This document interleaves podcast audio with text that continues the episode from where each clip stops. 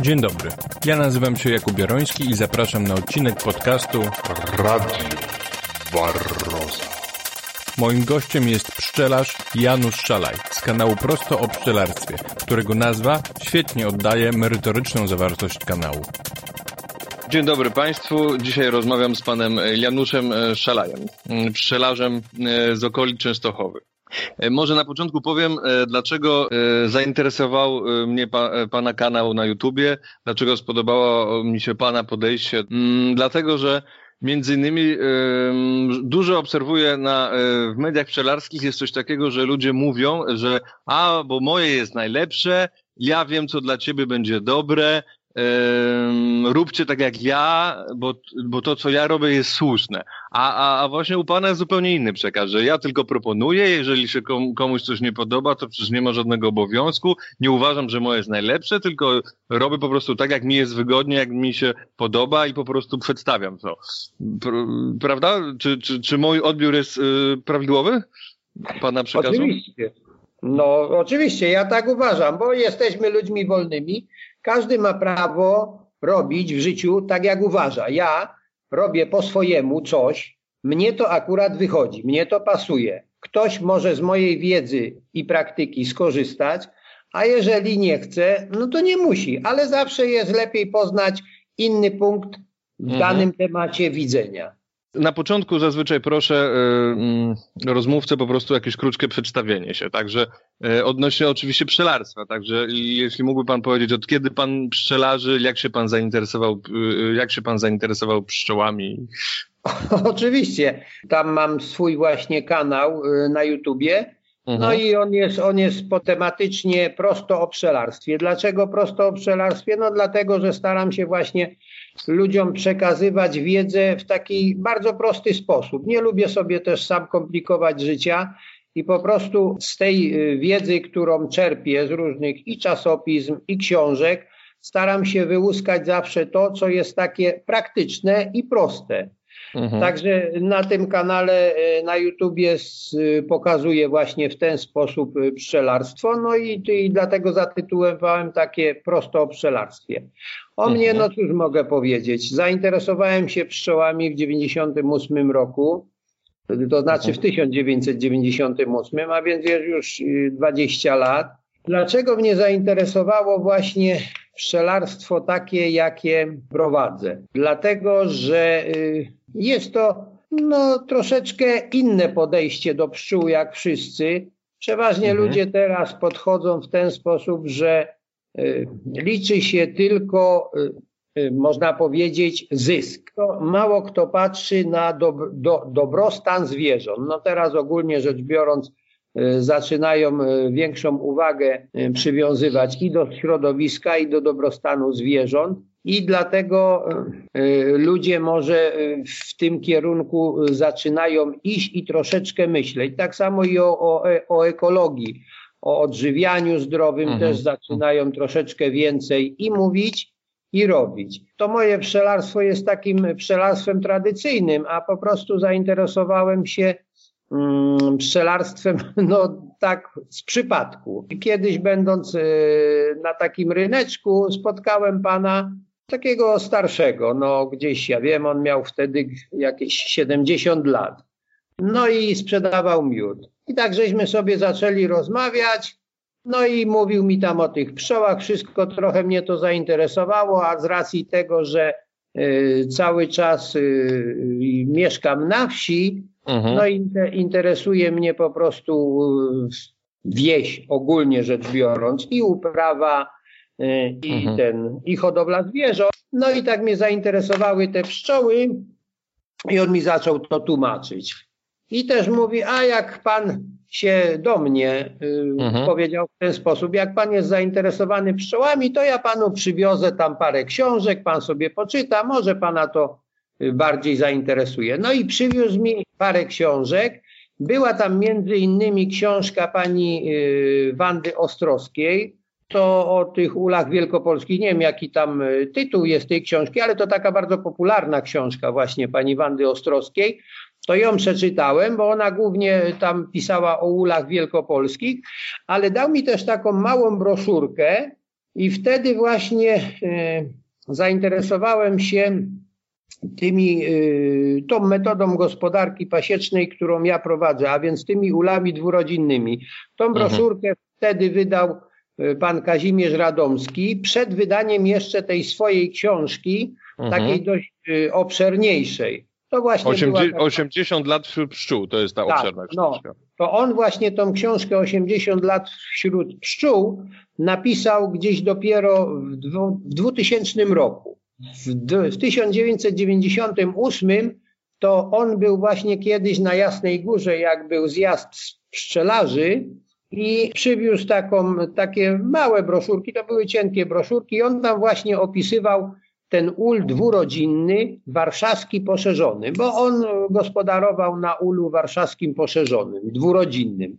I właśnie w tej książce 80 lat mm, wśród pszczół jest bardziej dokładnie opisana ta jego gospodarka. I dlatego mhm. mnie to tak bardzo zainteresowało z tego względu, że to była gospodarka pasieczna, można powiedzieć, inna niż wszystkie. W większości przypadków no to u nas się gospodaruje na ulach wielkopolskich lub mhm. jeszcze spotyka się ule warszawskie poszerzone, warszawskie zwykłe, ale jednorodzinne.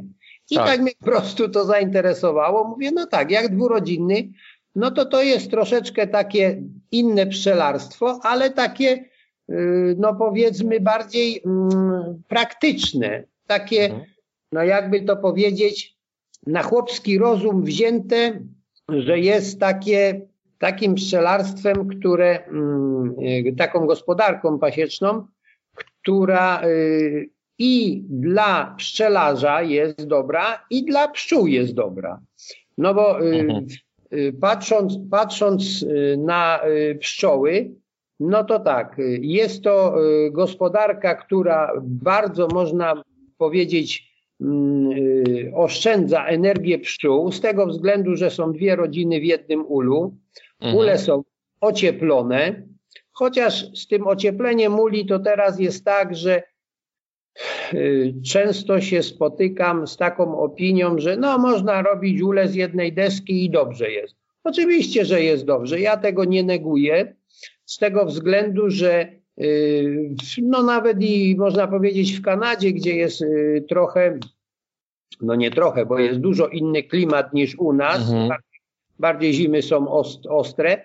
Tylko z tym, że u nich właśnie zimowla wygląda w ten sposób, że oni na palecie mają y, cztery rzędy, y, mm, cztery ule ustawione plecami do siebie, a jeszcze okrywają to tak. na zimę y, taką czarną, to jest, nie wiem, to jest papa, czy to jest folia, w każdym bądź razie ona też przyciąga promienie słoneczne, no i chroni przed wiatrem. A ule, jak są obok siebie i one są, mm, no cztery ule do siebie plecami zwrócone, no to też i temperatura jest inna. Ale już tak. pomijając to, to y, wracając właśnie do tych no, uli jednościennych, nie neguję tego, dlatego że u nas już teraz klimat się tak zmienił, że ule jednościenne w zupełności można powiedzieć, że też wystarczą. Choćby nawet z tego względu, że mm, weźmy y, jesień, która jest y, ciepłą jesienią uh-huh, i, mhm. pszczoły, i pszczoły jeszcze mają tą możliwość oblatywania się nawet w grudniu nieraz. Nawet w grudniu są obloty. Także nawet jeżeli one sobie troszeczkę to jelito przepełnią, no bo wiadomo, że zawsze y, termika w ulu jednościennym jest inna niż w ulu ocieplonym, no to tego pokarmu zawsze troszeczkę więcej się zużywa. Ludzie na to nie patrzą, czy się więcej zużyje trochę pokarmu, czy mhm, mniej. Z tego względu, że teraz mamy cukier stosunkowo tani i można, czy pół kilo on zużyje na ul więcej tego pokarmu, czy mniej tego pokarmu, to praktycznie no, dla niego są niewielkie pieniądze, co nie? No może na, no, na dużej pasiece to może to trochę inaczej wygląda też, co nie? ale myślę, że to jest też takie, e, takie podejście ludzi, że no, a co tam pół kilo w tom, a w tom. Z drugiej strony też jest tak, że dużo pasiek u nas to są pasieki amatorskie, a amatorzy mhm. hobbyści nie przykładają wagi do pieniędzy, no bo wiadomo, że każde hobby kosztuje.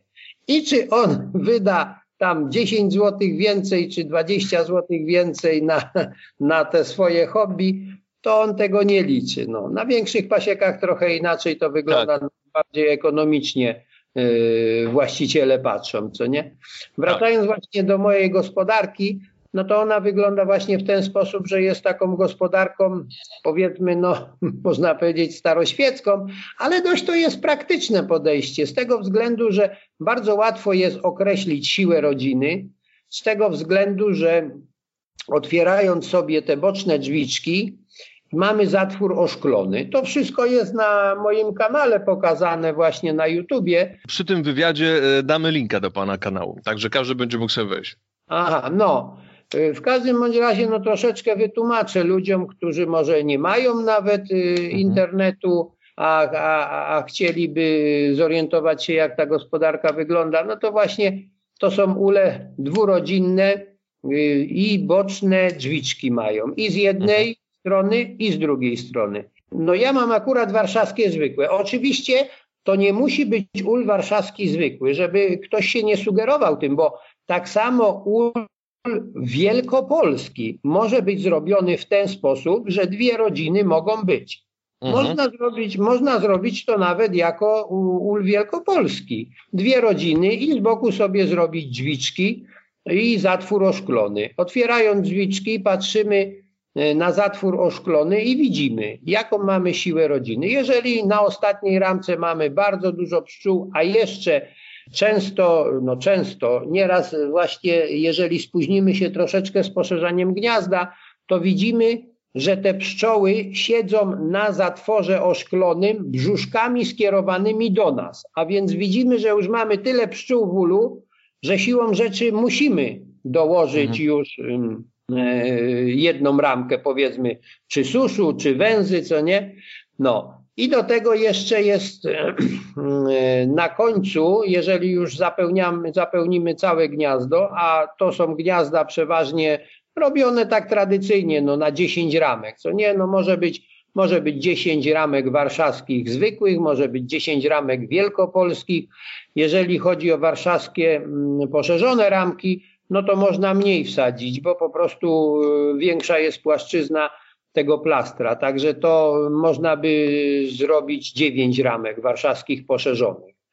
No i ostatnią ramkę, połowę ramki dolnej wycinamy i mamy ramkę pracy. I na ramce pracy oczywiście tam pszczoły jak przychodzi czas budują nam trutnie. No, po prostu plaster trutowy budują i jak już zabudują mm, cały plaster trutowy do końca, no to wtedy wycinamy połowę tego plastra, zasklepionego oczywiście, i one znowu sobie budują połówkę tego y, naszego plastra trutowego, a my czekamy, jak ta druga połówka nam się zasklepi i wycinamy tą drugą połówkę. No mhm. No i to jest, to jest y, taka metoda, która y, zwalcza y, warozę w taki biologiczny sposób. Oczywiście, że wszystkiej warozy w ten sposób nie zwalczymy, bo pszczoły i tak będą nam na, na ramkach e, wewnątrz gniazda e, budować trudnie tam, gdzie im będzie też pasować, ale jest to metoda no, dość taka, można powiedzieć, dość skuteczna, bo ja tam też na, e, na tym swoim kanale pokazuję, że jednak na ten czerw trutowy wchodzą te, mhm. wchodzi waroza. No, także tak wygląda walka z barozą. O tyle jest jeszcze y, bardzo y, wygodny ten ul, bo ma mm, tak zwaną dennicę pochyłą. Dennica pochyła jest o tyle dobra, że w zimę, jeżeli nam się skropli y, para wodna i zamieni się w wodę, to ona po pochyłej po dennicy weźmie nam się skieruje ku wylotkowi.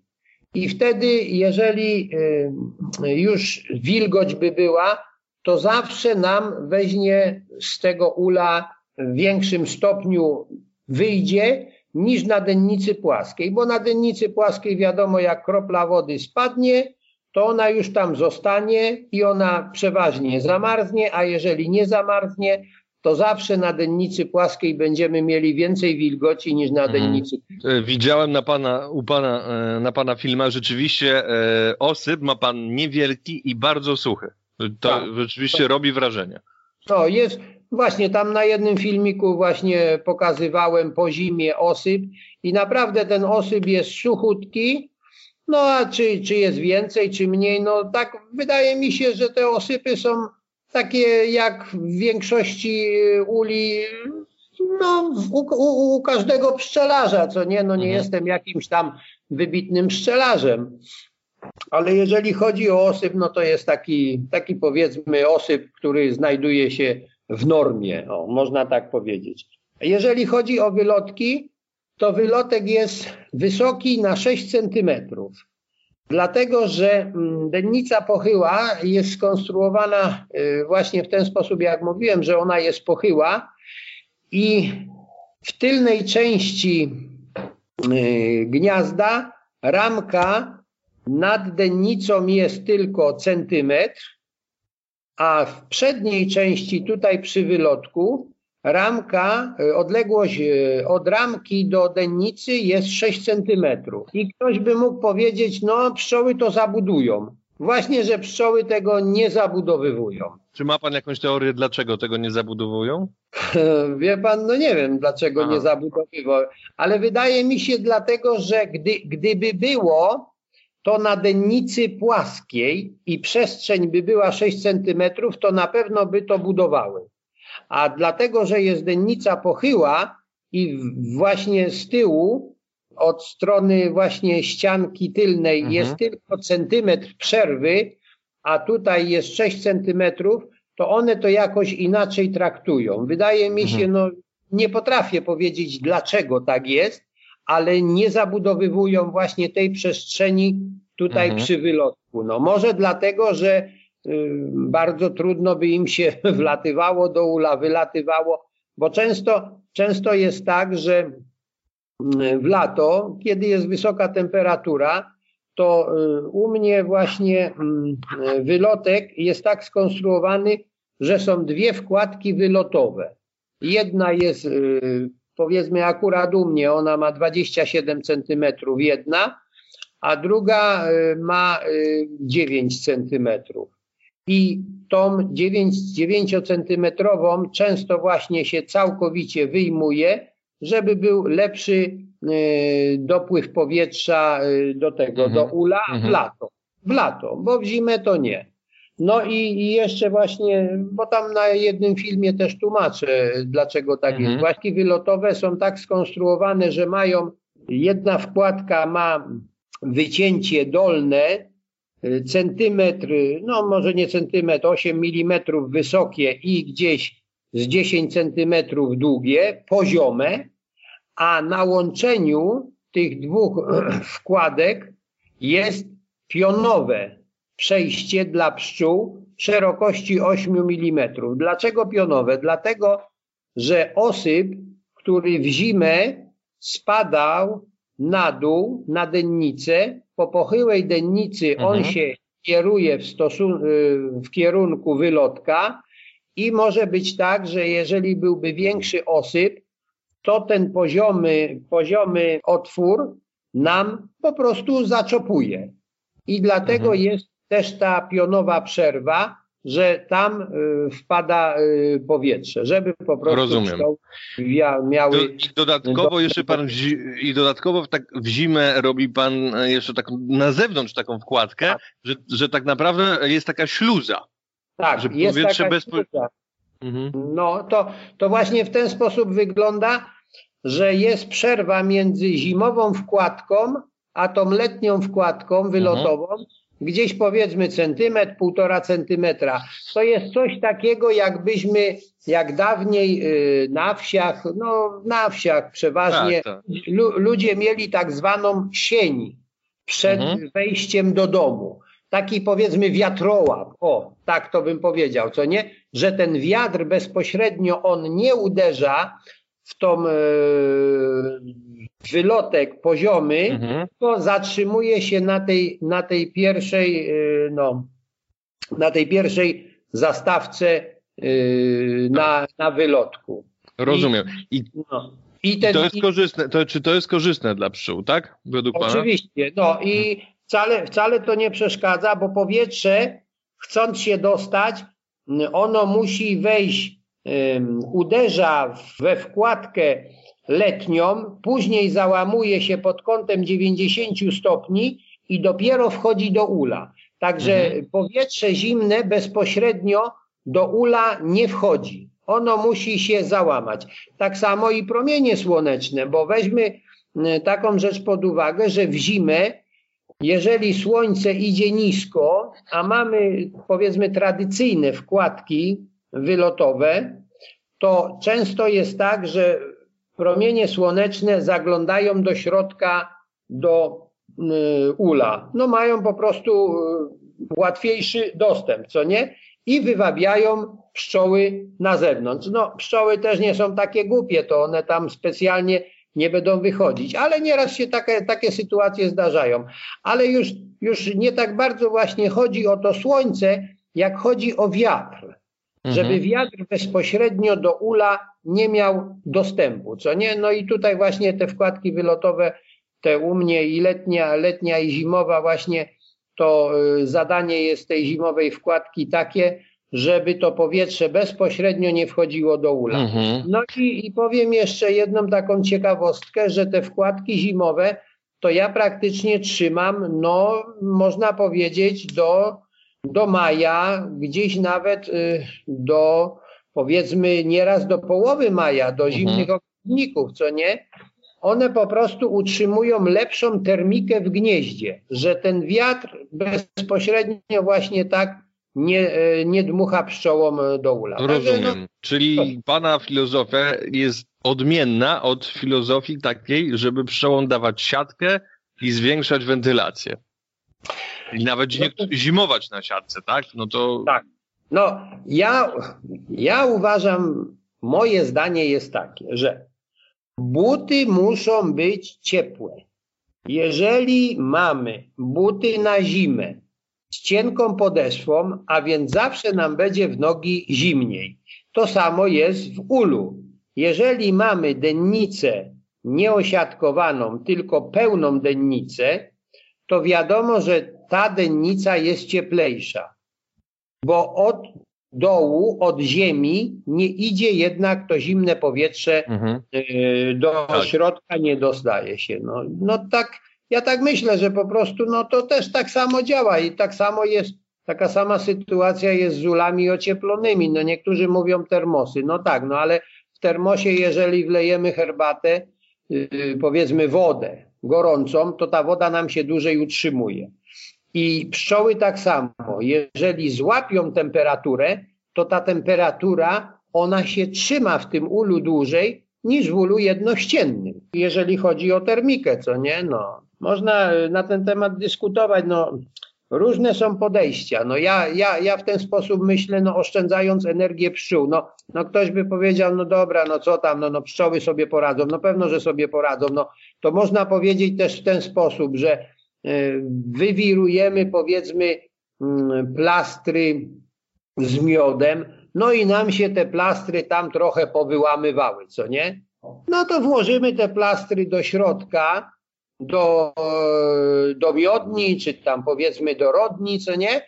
I pszczoły sobie poradzą z tym. Oczywiście, że sobie poradzą. One sobie te plastry wyprostują, one sobie je nareperują, tylko jakim kosztem? No nie ma w życiu nic za darmo. Coś mhm. na coś. I tak samo jest tutaj z termiką.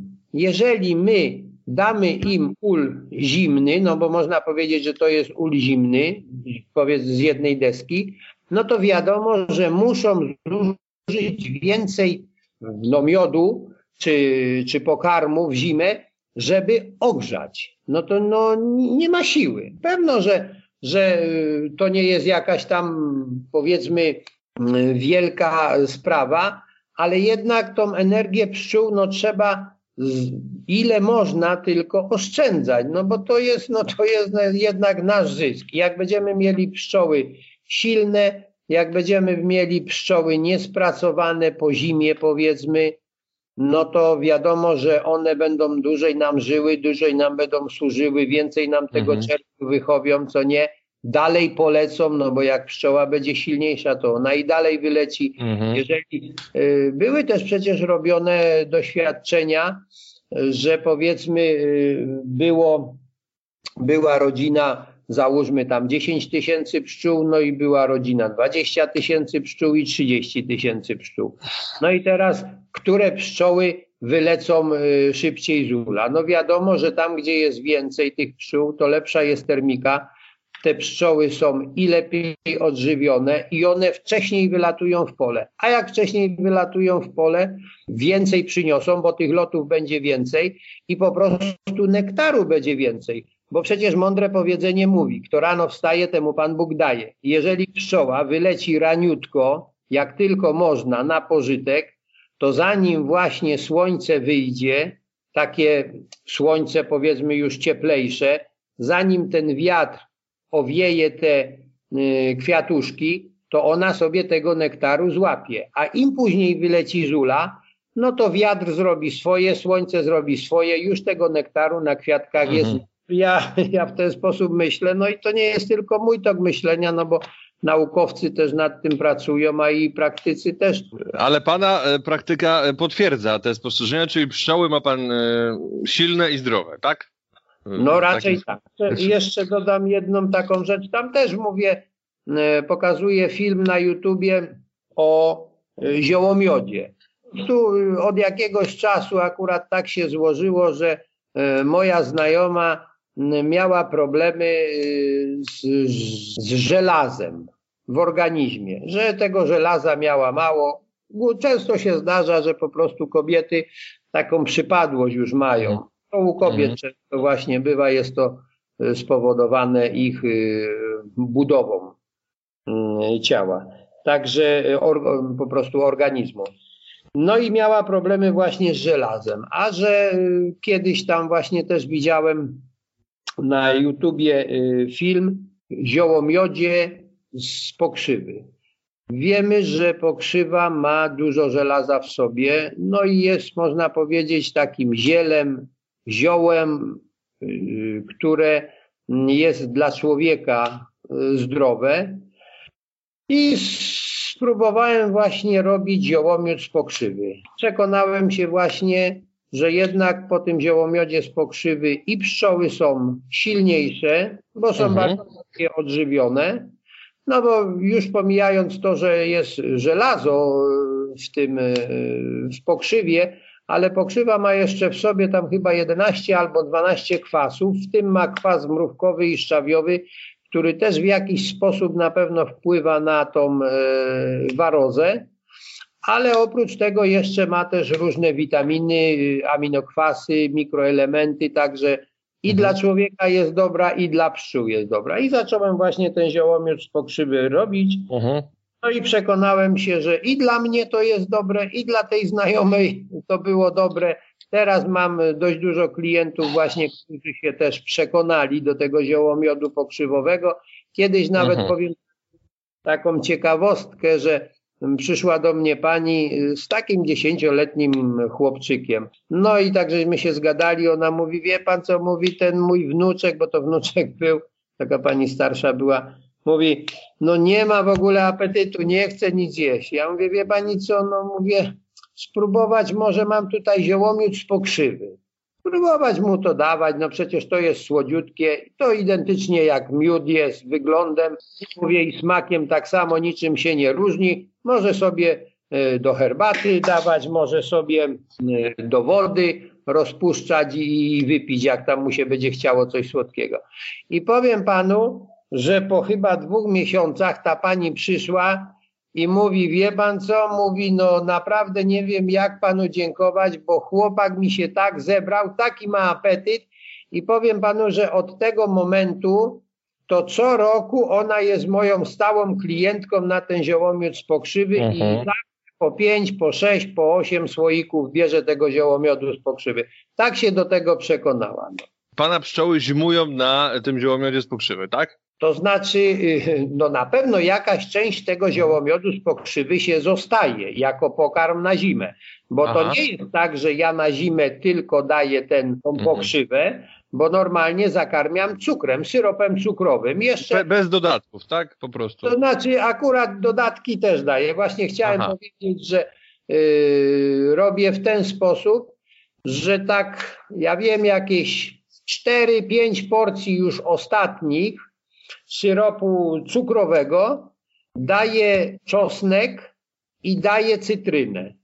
Po prostu mhm. czosnek, czosnek sobie przekroję w poprzek, blenderem we wodzie rozciapię to i zostawię powiedzmy no na dwie godzinki i ten sok z czosnku puści do wody. Później przecedzam ten czosnek i tą wodę wlewam do syropu cukrowego. Pszczoły bardzo chętnie to pobierają. No i powiedzmy takie trzy dawki daję pszczołom. Później na zmianę wezmę sobie tam parę cytryn. Cytryny też blenderem właśnie obiorę ze skórki tej żółtej. Blenderem rozrobię sobie w wodzie. Też zostawię na godzinkę, dwie godzinki, żeby ta cytryna y, sok puściła. No można też zrobić w ten sposób, że wycisnąć sok z mhm. cytryny mhm. na wyciskarce, co nie? Ale z kolei mm, no nie wiem, czy tak jest. No po prostu ja tylko mogę się podeprzeć wiedzą, którą posiadam z literatury, że w tym miąższu, który znajduje się między mm, miąższem y, z cytryny, a z tą mhm. żółtą skórką, jest tam taki biały miąższ, prawda? Taka cienka warstwa białego miąższu. To podobno właśnie w tym w tym białym miąższu jest bardzo dużo witaminy C. Oprócz tego, że w miąższu cytryny jest witamina C, to właśnie w tym białym miąższu między skórką a miąższem y, mhm. tym y, prawidłowym cytryny jest też dużo y, tej witaminy C. Także no, ja dlatego tak robię, że blenderem rozrabiam to, no mhm. bo mówię, no można sobie po prostu no, na wyciskarce, co nie, ale no ja w ten sposób robię, nie wiem, czy to mhm. tak jest, czy nie, no ale skoro ktoś to mm, pisał o tym, no to chyba w jakiś sposób to badał, co nie? Mhm. No, ja, po, ja podobne dodatki stosowałem, tylko że po prostu e, syntetyczne, czyli dawałem e, kupioną witaminę C i e, kwasek cytrynowy też. Tak, tak. No, ale tak, wie pan, ja panu powiem, to co jest y, naturalne nigdy się nie przedawkuje, to jest raz, a drugie zawsze będzie bardziej przyswajalne dla organizmu niż coś, co jest takie y, syntetyczne. Także no, wydaje mi się, że raczej, raczej y, coś, coś naturalnego jest lepsze niż syntetyczne. No tak samo powiedzmy z witaminą C. No można sobie brać w formie tabletek albo jakichś innych y, powiedzmy, nie wiem, syropków, ale lepsza by była powiedzmy witamina C no, z dzikiej róży, czy witamina C z cytryny, czy nawet dużo witaminy C jest powiedzmy w czarnej porzeczce, czy w czerwonej porzeczce, co nie. No, także zawsze to, co jest naturalne, będzie dla organizmu lepiej przyswajalne niż coś, co jest syntetyczne. No i takie powiedzmy ze dwie, ze trzy dawki też z tą cytryną e, daje pszczołom. Też bardzo chętnie to pobierają. No widocznie widocznie to lubią. No i na pewno, na pewno jest też tak, że tak jak mówię, no ale sama cytryna na pewno dobrze wpływa i na człowieka, i na zwierzęta, i na pszczoły też. I jeżeli chodzi o czosnek, no to czosnek chyba zdajemy sobie z tego sprawę i większość ludzi na pewno o tym wie, że jest takim też naturalnym antybiotykiem, a więc na pewno w jakiś sposób też wpływa na tą y, zdrowotność pszczół i powiem, że pszczoły chętnie pobierają syrop z czosnkiem. Radio Barroso. Co do tych uli, może wróćmy tak po kolei. Bo pan sam robi te ule i teoretycznie e, powinny być łatwe do zrobienia, proste, aczkolwiek no, są tam niektóre elementy, które wydają mi się trudniejsze, na przykład te drzwiczki szklane. Jednak trzeba mieć chyba trochę wprawy, żeby, żeby, żeby tak zrobić. Mm, no, takie no, otwierane. Ja panu powiem, to wszystko zależy, jakie człowiek ma zdolności manualne, prawda? No i jakie ma możliwości, bo jest takie mądre powiedzenie, które mi utkwiło w pamięci, takie hasło. Jak byłem we wojsku, to, to było takie hasło i tam pisało tak. Chcieć, umieć, móc. A więc wszystko się zaczyna od chęci. Później musimy umieć to zrobić, a na końcu musimy mieć czym zrobić. Także te trzy rzeczy muszą być ze sobą powiązane. To tak samo jak Amerykanie mówią, że odpowiedni człowiek w odpowiednim czasie i w odpowiednim miejscu. A więc trzy warunki muszą być spełnione. Same chęci nie wystarczą, bo jeżeli nie będziemy umieli czegoś zrobić, no to możemy chcieć coś zrobić, ale też możemy się nauczyć, bo no teraz jest naprawdę bardzo duży mm, dostęp do wiedzy. Ja powiem szczerze, że y, nieraz y, korzystam właśnie y, z YouTube'a. Teraz ostatnio nawet korzystałem z YouTube'a w temacie przycinania porzeczek. No bo mhm. można, można sobie, wie pan, przeczytać w książce, można sobie w czasopiśmie jakimś ogrodniczym przeczytać i czy nawet na jakimś forum przeczytać. Ale fajnie jest i bardziej chyba dociera do człowieka, jeżeli coś widzimy i słyszymy. Bo mhm. człowiek z reguły, ze swojej natury jest wzrokowcem i często właśnie jest tak, że lepiej, jeżeli coś widzimy i ktoś nam jeszcze to mądrze tłumaczy to, co robi. To bardziej tak do nas dociera, co nie? Pewno, że no też trzeba mieć na czym zrobić. No ale teraz, jeżeli chodzi o narzędzia różnego rodzaju, to naprawdę jest taki duży dostęp do różnego rodzaju narzędzi i te narzędzia nie są znowu ani takie bardzo skomplikowane, ani też takie bardzo drogie. I jeżeli chodzi o robienie uli, no czy nawet tych, tych drzwiczek, tak jak pan mówi, czy tego zatworu szklanego, to wszystko można zrobić na zwykłej yy, trajzece. Akurat ja mam akurat taką trajzegę jeszcze z lat 80. Wtedy było dość ciężko wszystko. Sto, ślusarz mi, tokarz mi wytoczył wałek. No i akurat skonstruowałem sobie taką trajzegę, że na silniku mam y, tą szajbkę na 1400 obrotów jak ma silnik i jeszcze większa jest która ma 3000 tam powiedzmy 200 czy 3000 i pół. I mogę sobie zapiąć na tą trajzegę gumówkę.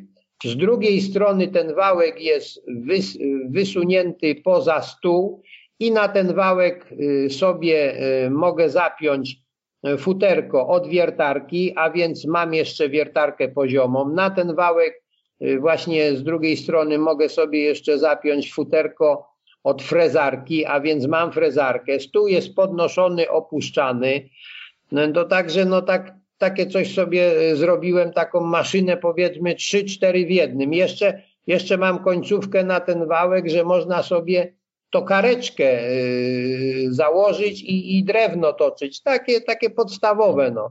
Ta maszyna mhm. już jest gdzieś, ja wiem, w 80 chyba 5 roku ją zrobiłem, to już jest y, dość leciwa, ale jeszcze działa. Czyli pan jest taka złotą rączką, można powiedzieć. No, no, no można tak powiedzieć. No skoro te ule robię. No, no i narzędzia sobie sam pan nawet robi, które są, e, jak rozumiem, trwałe, mało zniszczalne. Tak, tak. No, no te, ta trajzega do tej pory działa i na tej trajzedze wszystko robię. Tak jak mówię, no chcę sobie uciąć y, kawałek metalu, to po prostu zakładam sobie tarczę taką jak się na tą gumówkę zakłada, przekładam sobie na silniku na szajbkę na 3000, tam na 3,5 tysiąca obrotów, no i tnę sobie metal. Jak, jak na przykład chcę sobie y, wiercić y, otworki na druciki y, w tym, w ramkach, no to zakładam sobie z drugiej strony futerko od tego, od wiertarki, no i wiertełeczko, stół jest właśnie jeszcze drugi taki podnoszony, opuszczany y, mhm. do, tego, do tego futerka, no i sobie robię dziurki na, na te na druciki w ramkach. Także no, można powiedzieć, że jestem samowystarczalny. Zresztą ja panu coś powiem. Był taki czas, że trzeba było po prostu samemu sobie jakoś w Polsce radzić. No i hmm. tak żeśmy sobie wszyscy radzili. No jedni bardziej sobie radzili, drudzy sobie troszeczkę mniej radzili. No ale ogólnie no, były takie czasy, że człowiek musiał sobie radzić. Jeżeli chciał coś w życiu mieć, coś zrobić, co nie, żeby coś mhm. osiągnąć, no to tak, no można było iść do pracy i pracować. Ja akurat tak w pracy za długo nie bawiłem, bo pracowałem tylko na pracy państwowej, można powiedzieć, mhm. 4, 8, 7 lat tylko pracowałem na pracy państwowej. W 1984 roku doszedłem do wniosku, że to nie ma sensu się męczyć w zakładach pracy, gdzie, gdzie powiedzmy i żadna ekonomia y, nie była jakoś, jakoś dobrze wykonywana. Wszystko było takie, wie pan, polityczne. Człowiek mhm. jak miał, jak miał troszeczkę, wie pan, można powiedzieć, rozumu w głowie i mógł sobie poradzić, no to po co się męczyć na państwowej posadzie. Przedtem mhm. tylko było też wszystko, wie pan, raczej z takiego nadania politycznego.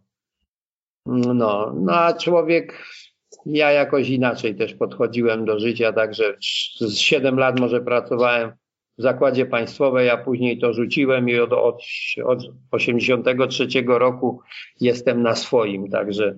Podejrzewam, no, że ceni pan sobie również niezależność. Tak, bardzo. Bardzo sobie cenię niezależność, swobodę i wolność. No, też no. dlatego wychowałem się w ogóle, wie pan, wychowałem się no, w mieście, takim mieście, no, mieście tam, wtedy to miasteczko było dziesięciotysięczne, Blachownia koło Częstochowy, no ale zawsze, zawsze mnie, wie pan, ciągło na wieś. No i sobie kupiłem takie gospodarstwo półtora hektara w 82 roku, no i właśnie w 84, jak sobie wybudowałem już taki gospodarczy, gdzie można było mieszkać, no to od tego momentu właśnie już z, z wsią jestem związany. No i powiem panu szczerze, że na tej wsi można powiedzieć, że już no bardzo, bardzo wiele rzeczy robiłem i no teraz akurat nie żyję z rolnictwa, bo już zresztą już jestem na, na zasiłku przedemerytalnym.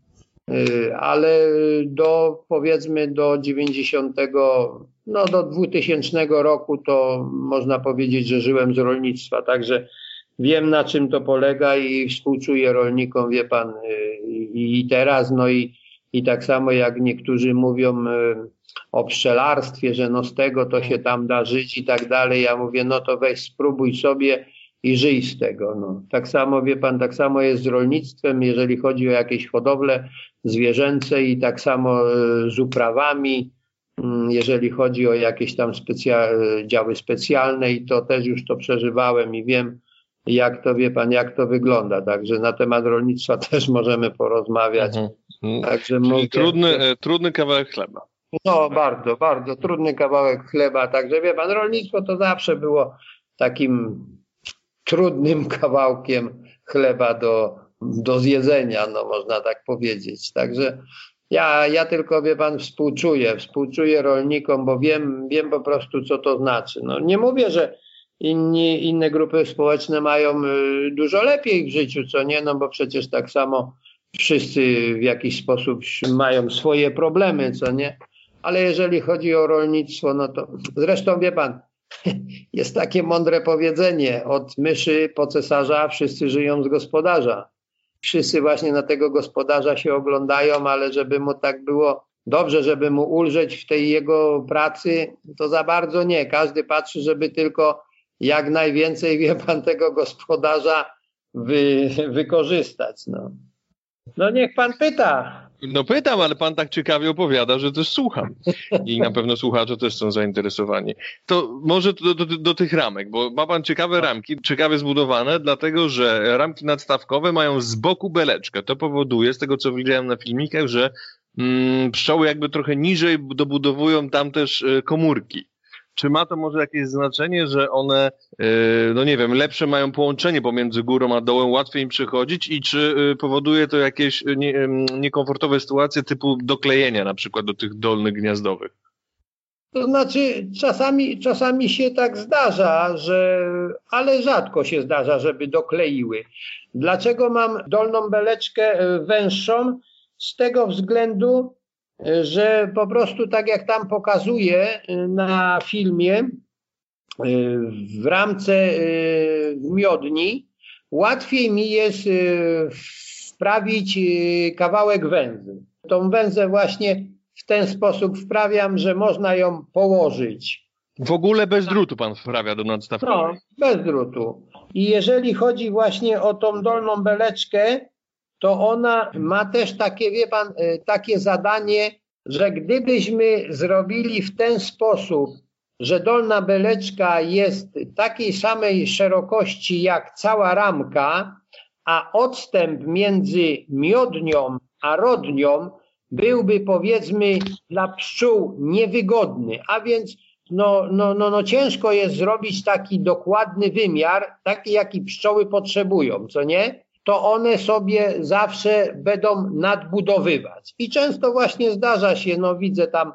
jak, jak mają ule wielkopolskie, no i nadstawkę kładzie na, na, na rodnie, później tą nadstawkę zdejmuje, no to często jest tak, że właśnie ma tam różne takie mostki porobione i to oni zrywają dłutami. A tutaj jest y, raczej taka sytuacja, że one sobie same dostosowywują y, wielkość ramki miodnej do beleczki górnej w rodni, do ramki, która znajduje się w rodni. I ta przestrzeń jest taka, jaką one potrzebują. To miałoby y, duże znaczenie, gdyby y, po prostu zostawić tą półnadstawkę na zimę. I mhm. gdyby, no ale ja nigdy tak nie robię, co nie, no bo akurat mam ramkę wysoką, to u mnie tylko pszczoły są na, y, na tym, na, na, na dole, mhm. w rodni, mhm. na ramce gniazdowej, co nie, bo jest ramka wysoka. Ale gdyby to była ramka powiedzmy jakaś tam y, niższa, czy no jak, Langstrot na przykład 3 czwarte. No załóżmy Langstrot, co nie? No to jest ramka y, niska, bo to jest ramka warszawska zwykła, tylko położona na płask.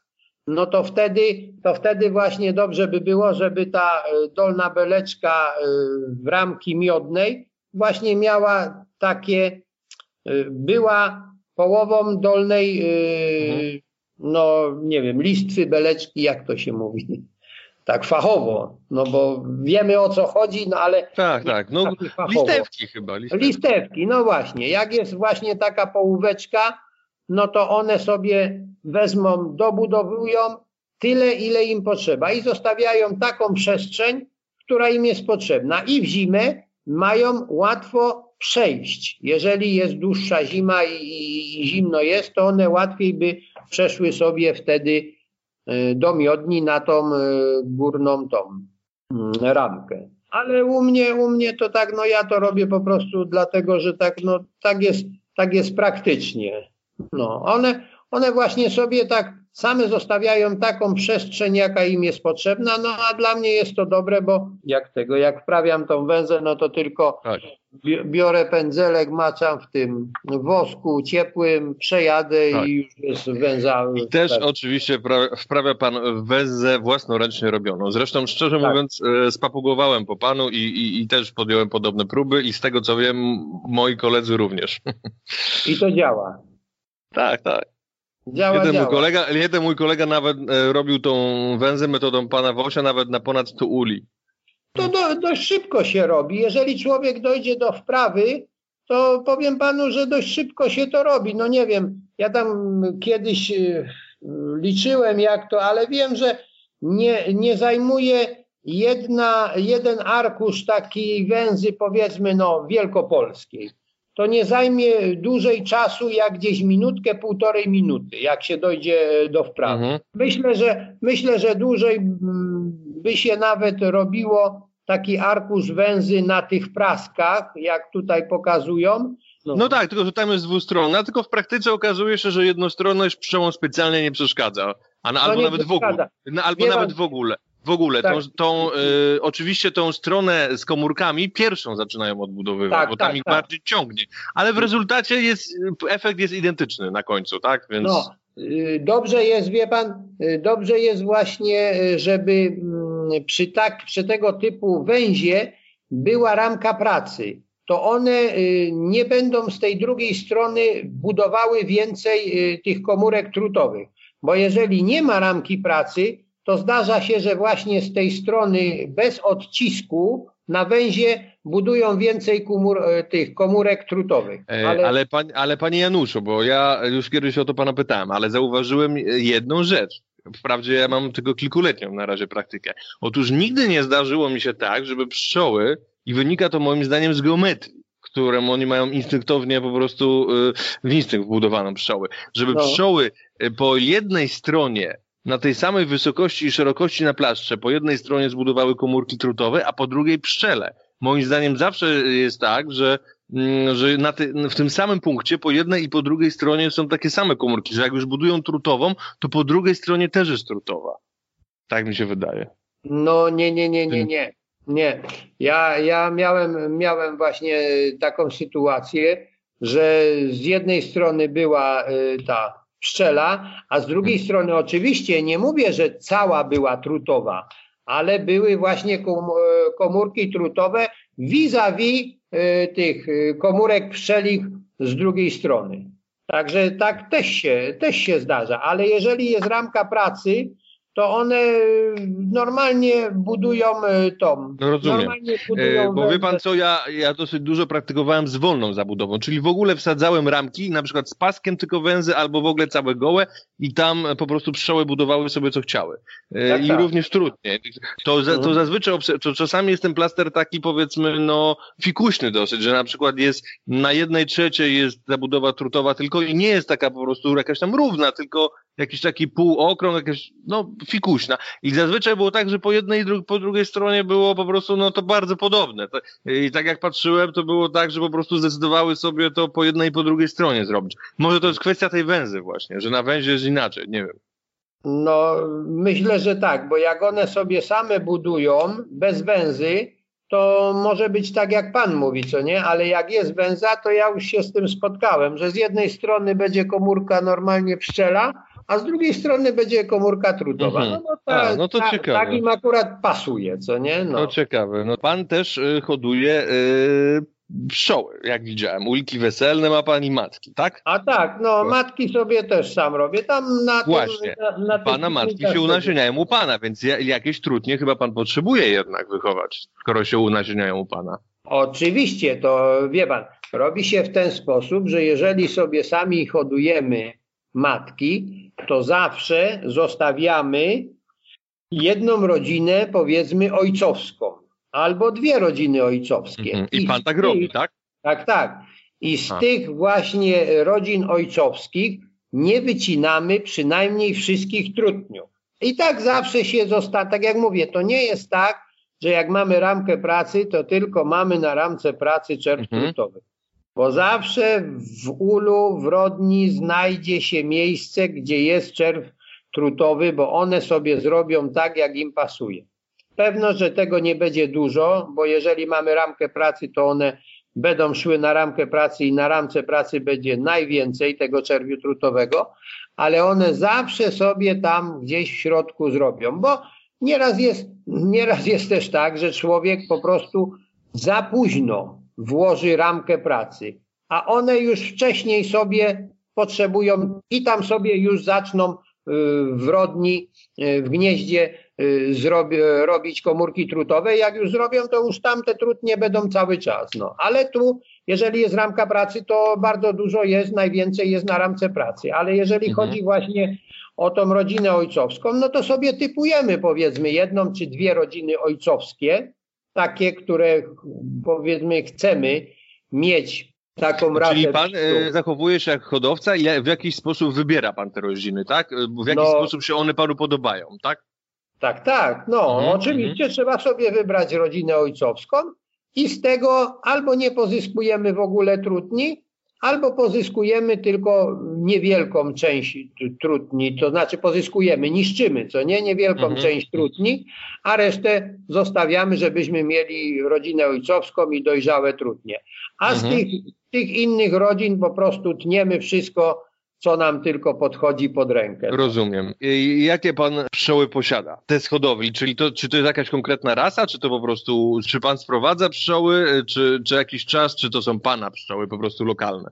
Mm, ja panu powiem, do pewnego momentu to też się zachowywałem tak jak większość pszczelarzy. jeżeli pan powie koledze, że pan sprowadził sobie matkę, która ma tam dłuższy języczek, albo która ma tam większe skrzydełka, albo która ma tam powiedzmy jest bardziej miodna i tak dalej, no to on też sobie będzie kupował te matki. Jeżeli ktoś tam panu zachwali jakąś inną matkę, no to z ciekawości też pan spróbuje.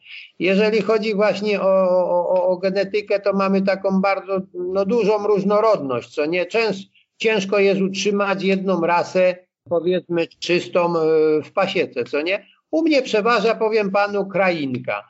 Tą krainką to jest tak, że no ja staram się, e, tak jak mówię, że rodzinę ojcowską sobie tam, powiedzmy, taką, jaka mi pasuje krainka, ale to, co się, wie pan, e, wyleci unasiennić matka, no to kolega ma tam bakwasty, inny ma tam mhm. jakieś kaukazy, co nie, no i zawsze to tak jest troszeczkę pomieszane. No nie ma tak, żeby były, wie pan, czysto rasowe. Ostatnio też dwa lata temu miałem taką sytuację, że u, u sąsiada się uwiązał rój i akurat ta rójka była bakwasta. Ja nigdy nie miałem bakwasta w pasiece, no ale ta rójka była taka dość ładna, no i wziąłem to, zebrałem. On mówi, weź to zbierz, no bo szkoda, żeby to się zniszczyło, czy żeby odleciało. Dobra, poszedłem, zebrałem i wziąłem to do ula, wpuściłem, no i miałem. Na następny rok pociągnąłem po tym matki. To były dość, no, do, dość fajne takie pszczoły. Ale mhm. powiem panu, że doszedłem do wniosku i gdzieś mi te pszczoły jakoś, no nie wiem, nie powiem, że się wykończyły, ale jakoś tak później wyginęły.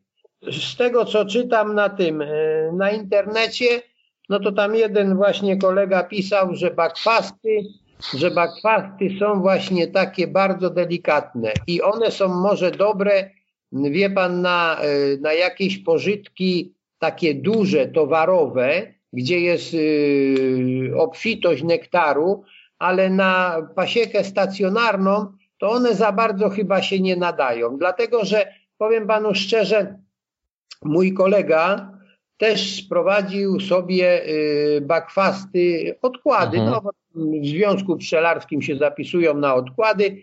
I jednego roku sprowadził sobie chyba z pięć odkładów, drugiego roku chyba sobie z dziesięć odkładów tych bakwastów sprowadził.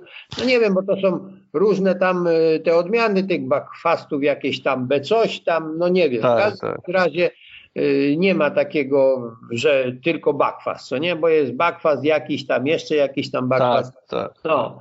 no w każdym razie ogólnie się mówi bakwas. No i te bakwasty sobie sprowadził, a on ma ode mnie pasiekę jakieś, ja wiem, no tak ze dwa kilometry. No i tak chyba ze dwa lata te, te bakwasty miał. Później w trzecim roku pytam się go, mówię, Jurek, jak tam u ciebie te bakwasty się sprawują?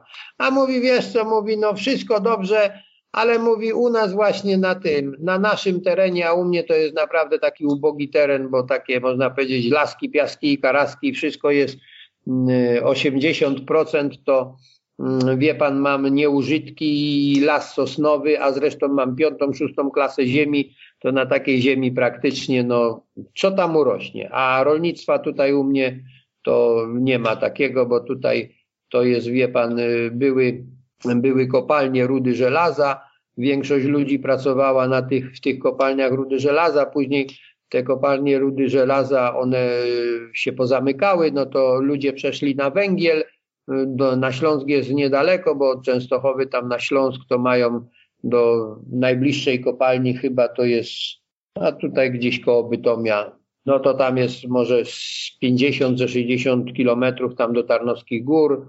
No i tam na te kopalnie zaczęli jeździć, także wie pan, dużo jest takich górników, no to jak, jak pracowali na tych kopalniach, to tam jeszcze do, do tego pola dokładali, tam ktoś miał świnkę, krówkę i tak te pola mieli, co nie? Ale teraz jak już po, przechodzili na emerytury, to to głównie jest y, już y, takie starsze pokolenie, to po prostu, no i koniunktura się zmieniła, wie pan, i teraz wszystko jest dostępne w sklepach. Przedtem choćby tylko z tego względu, że nie było e, wiele produktów spożywczych, e, głównie chodzi o mięso, co nie? W sklepie, mhm.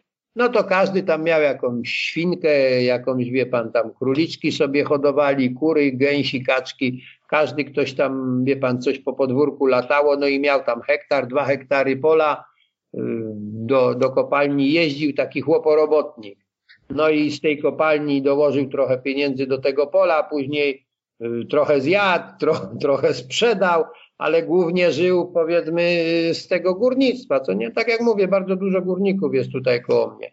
No a po roku 90 wie pan, wszystko się zmieniło, no i każdy już y, porzucał te pola, no i są takie samosiejki. Nieużytki, ale tam na tym nieużytku jest coś dla pszczół, na tych nieużytkach? To znaczy, wie pan, no, no zawsze coś tam rośnie, ale na, u, mnie, u mnie jak się tak spojrzy, to wie pan, najwięcej yy, takiego... Bo w Mazowieckim, przepraszam, że panu wchodzę w słowo, no. w Mazowieckim na przykład na takich nieużytkach jest sporo na błoci często. I moje na przykład korzystają na tym. Tak, y, ja panu powiem. Nawłoć, y, jak jest y, jakaś lepsza ziemia, to tak. U mnie też hmm. nawłoć jest, też występuje. Nie mogę powiedzieć, że nie, że nawłoci też trochę jest, ale za dużo tej nawłoci tak nie ma. Ja miodu pan z tego nie, nie, nie wykręci, tak? Nie, no nie, miodu to się nie wykręci, wie pan. Pyłku przyniosą. Troszeczkę miodu tam dla siebie przyniosą, ale żeby jakiś miód towarowy z tego był, to raczej nie. Powiem panu tak, jeżeli jest dobra ziemia, to wszystko urośnie. I nawet jeżeli będzie ziemia puszczona odłogiem, a będzie dobrej klasy ziemia, to lepsze mm, gatunki roślin będą na tej ziemi rosły. A jeżeli ma pan piątą, szóstą klasę ziemi, gdzie y, powiedzmy na 15-20 centymetrów jest tylko ciemna ziemia, to nie jest czarna ziemia, tylko ciemna mhm. ziemia, a pod spodem ma pan piach, który można tylko używać do budowy domów, no to wie pan, to musiałoby y, co 3, co 4 dni jakieś większe opady deszczu być, żeby te rośliny i urosły większe i, i, i po prostu Miały nektar. No, no, no, miały nektar, bo by więcej i, i po prostu y, tych, ta, ta roślinność by nie była taka uboga. Zawsze wie pan, na słabej klasie ziemi, no to no, no można tak porównać, wie pan. Ja mam takie porównanie, że mam rodzinę w Lubelskim i tutaj u mnie. I jak pojechałem do mojej babci tam do, w Lubelskie, to cebula była tak duża jak moja ręka, a mam dość rękę taką, wie pan, dość sporą, bo 25 centymetrów mam rozpiętość między palcami. Mhm. To takie, takie cebule tam rosły. Wie pan, y, dziadek jak poszedł i, i wyrwał buraka pastewnego krowie, to ten burak, no do wiadra można powiedzieć, że się prawie mieścił. A u mnie na tej szóstej klasie ziemi, to ja bym miał buraka takiego chyba jak moja ręka, pastewnego.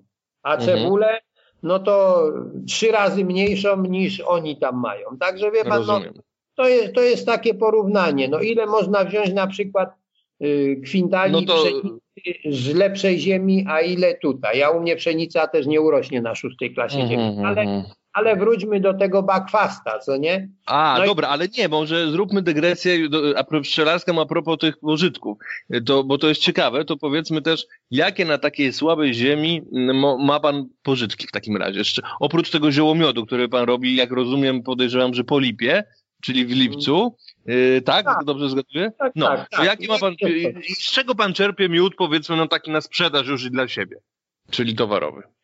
Jak y, wie pan, y, czasami jest tak, że posieją troszeczkę rzepaku. U mnie jest akurat ode mnie, od mojej pasieki tam mm, w stronę Kłobucka, to tam y, sieją, tam jest jakaś spółdzielnia chyba, oni tam sieją rzepak. Jak mhm. posieją rzepak, to troszeczkę tego rzepaku przyniosą. Dość, dość daleko mają, bo to na kilometry to powiedzmy gdzieś jakieś 4-5 kilometrów, 3 musi ta pszczoła lecieć. No to dużo tego nie przyniesie. Są też małe poletka, wie pan, y, grykę y, po tego, posieją też. Czasami ktoś tam weźmie sobie na poplon, y, wrzuci mm, tą, to fioletowe, jak to się nazywa takie? E, facelia. O, facelię, właśnie. Facelie. Y, sieją, wie pan, też y, na poplony mhm. Mm, gorczyce na jesień. No to ja nie mówię no tak, o... ale z tego pan robi miód, bo z takich późnych? Nie, nie, nie, nie, nie, nie, tylko mhm. mówię, no właśnie. czym się pszczoły odżywiają, to A, nie? Ale okay, jeżeli okay. chodzi, no, ale jeżeli chodzi o miód towarowy, to tak jak mówię, trochę z gryki, ale to jest mieszane, bo to czystej gryki mhm. nie mam, bo to, u, tak jak mówię, u mnie są, jeżeli już, bo trochę tam ludzi jest, którzy gospodarzą jeszcze, ale mają małe poletka, to nie, nie, nie, ma, nie ma u mnie jakichś, wie pan, dużych monokultur, mhm. tylko ktoś ma, powiedzmy, posieje sobie hektar gryki, drugi sobie, powiedzmy, posieje tam pół hektara, trzeci gdzieś tam też trochę posieje, trochę faceli sobie posieją, trochę y, no, rzepaku, to tak jak mówię, to tylko tamte spółdzielnie. No tutaj ode mnie też jakiś kawałek, tak gdzie ja wiem, no za lasem gdzieś ze dwa kilometry jest też taka wieś Pieszno. Tam jest też trochę mm, takich, można powiedzieć, gospodarzy. No ale tam, tam, też nie mają za dużych kawałków. Dwu, trzy hektarowe takie mhm. pola mają. No. Nie ma żadnych monokultur jakichś większych, ale tak po, po hektarze, po dwa, po trzy hektary tam mają, no to tam też czasami właśnie posieją rzepak. Ale ogólnie, no to tak, no rozwojowe pożytki, no to tak jak wie pan na wsi, każdy ma troszeczkę, a to jabłonkę, a to gruszkę, a to śliwkę, mm, a to czereśnie, wiśnie, no to z tego jest na rozwój. Mhm. Mniszka, no mniszka trochę jest, ale tak jak mówię, na piątej, szóstej klasie ziemi to tego, ten mniszek jak jest, to nie, jedno, że nie ma go dużo, a drugie, że on nie jest za duży, co nie? No bo tak jak mhm. na, na lepszej klasie ziemi mniszek będzie fajny. No, mnisz, mniszek potrafi mieć nawet 30-40 no, centymetrów, nie? A no właśnie, no to u, to u mnie taki, taki mniszek nie będzie, wie pan, no. Ale też, te, też mniszek jest, no nie mogę powiedzieć, że nie ma, ale jest dużo mniej tego mniszka. No i u mnie, wie pan, y, naj, najwięcej jest różnego rodzaju chwastów.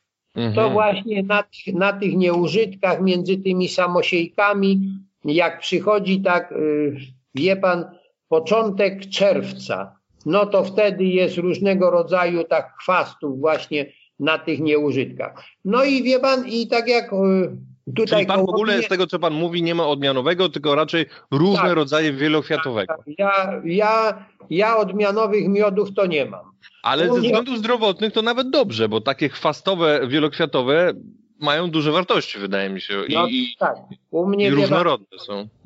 U mnie to jest, y, można powiedzieć, teren taki ekologiczny, bo mhm. w obrębie, y, powiem panu szczerze, w obrębie tak gdzieś, no ja tu nie widzę koło mnie żadnych takich zakładów jakichś tam przemysłowych, żeby jakieś zakłady były, to nie ma. Także w obrębie tam 10 kilometrów to na pewno nie ma żadnych zakładów przemysłowych. Także mhm. można powiedzieć, że taki teren jest ekologiczny. No, no dobrze, a, agat, a akacja lipa? Wie pan, no akacja, no. Powiem panu szczerze, miałem zrobić zdjęcie i wrzucić właśnie na forum Miotka. Jaka, jak y, wygląda sytuacja właśnie z akacją i z lipą? To powiem panu tak. U mnie no jakieś tam powiedzmy dwie posesje koło mnie była piękna lipa, no naprawdę stara lipa taka wielka u sąsiada. Przeszkadzała ścioł. 10 metrów, no nie, 20 metrów ode mnie drugi sąsiad. Miał lipę, ściął. Sąsiadka miała dwie lipy, ścięła. Ode mnie jakieś ze 300, ze 400 metrów jest cmentarz. Na tym cmentarzu były lipy. Jeszcze do tej pory trochę tych lip zostało. Ale wie pan, ze względu na wiatry, gospodarze, no gospodarze, no bo to ksiądz jest odpowiedzialny za ten cmentarz, co nie? Powycinał te gałęzie na tych lipach, ogołocił, same powiedzmy tylko takie, takie sztyki zostały z, z tych lip. No bo obawia się, wie pan, jak są teraz mhm. Dość często silne wiatry, żeby konary nie leciały na pomniki. Pomniki ludzie teraz robią drogie. No to mhm. wie pan, to jest kłopot. Jechałem niedawno mm, tam właśnie w moim rodzinnym mieście, też na cmentarzu. Takie piękne lipy były, stare, naprawdę piękne. To jak spojrzałem, to mi się płakać chciało. Po prostu na cmentarzu nie ma ani jednego drzewa, ani jednej lipy, wszystko powycinali. Koło kościoła, wie pan, u mnie były takie piękne akacje.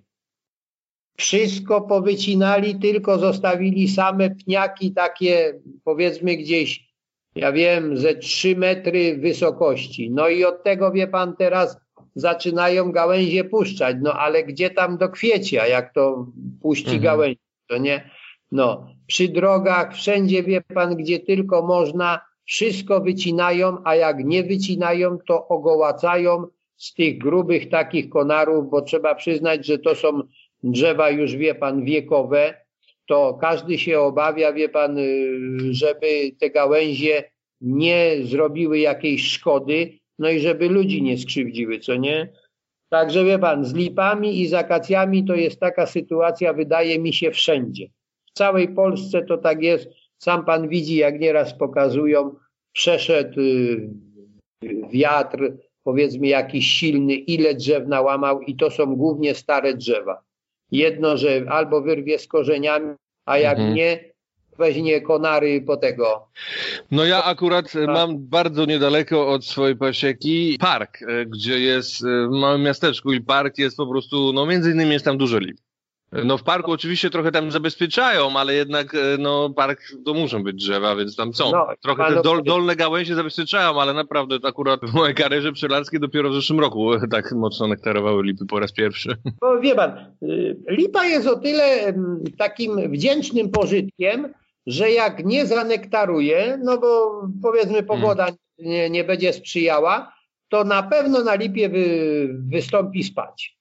Także wie pan, lipa jest o tyle dobra, że tak jak mówię, jak nie będzie miała nektaru, to będzie miała spać. I przeważnie. No miałem tak, że też nie miałem, dlatego że, że po prostu było.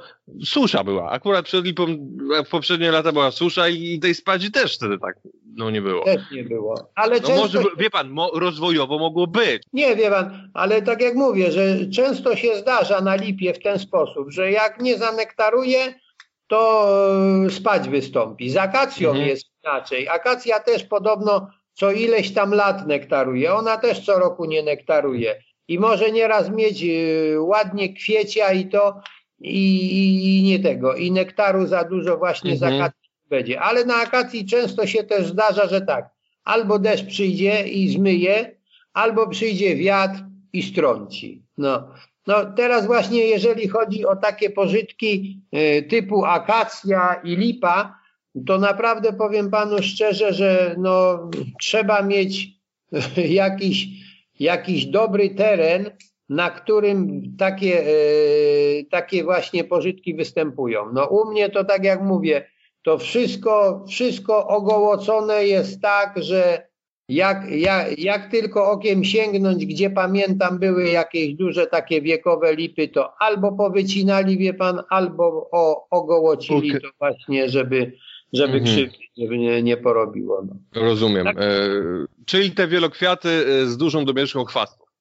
Tak, no u mnie, u mnie wie pan przeważnie wielokwiat. Dobry, dobry mam, jeżeli chodzi, wie pan, o taki rozwojowy pożytek, no nie pożytek, bo tam pożytku to z tego za dużo nie ma, ale jednak dość dużo jest z tego pyłku, z brzozy.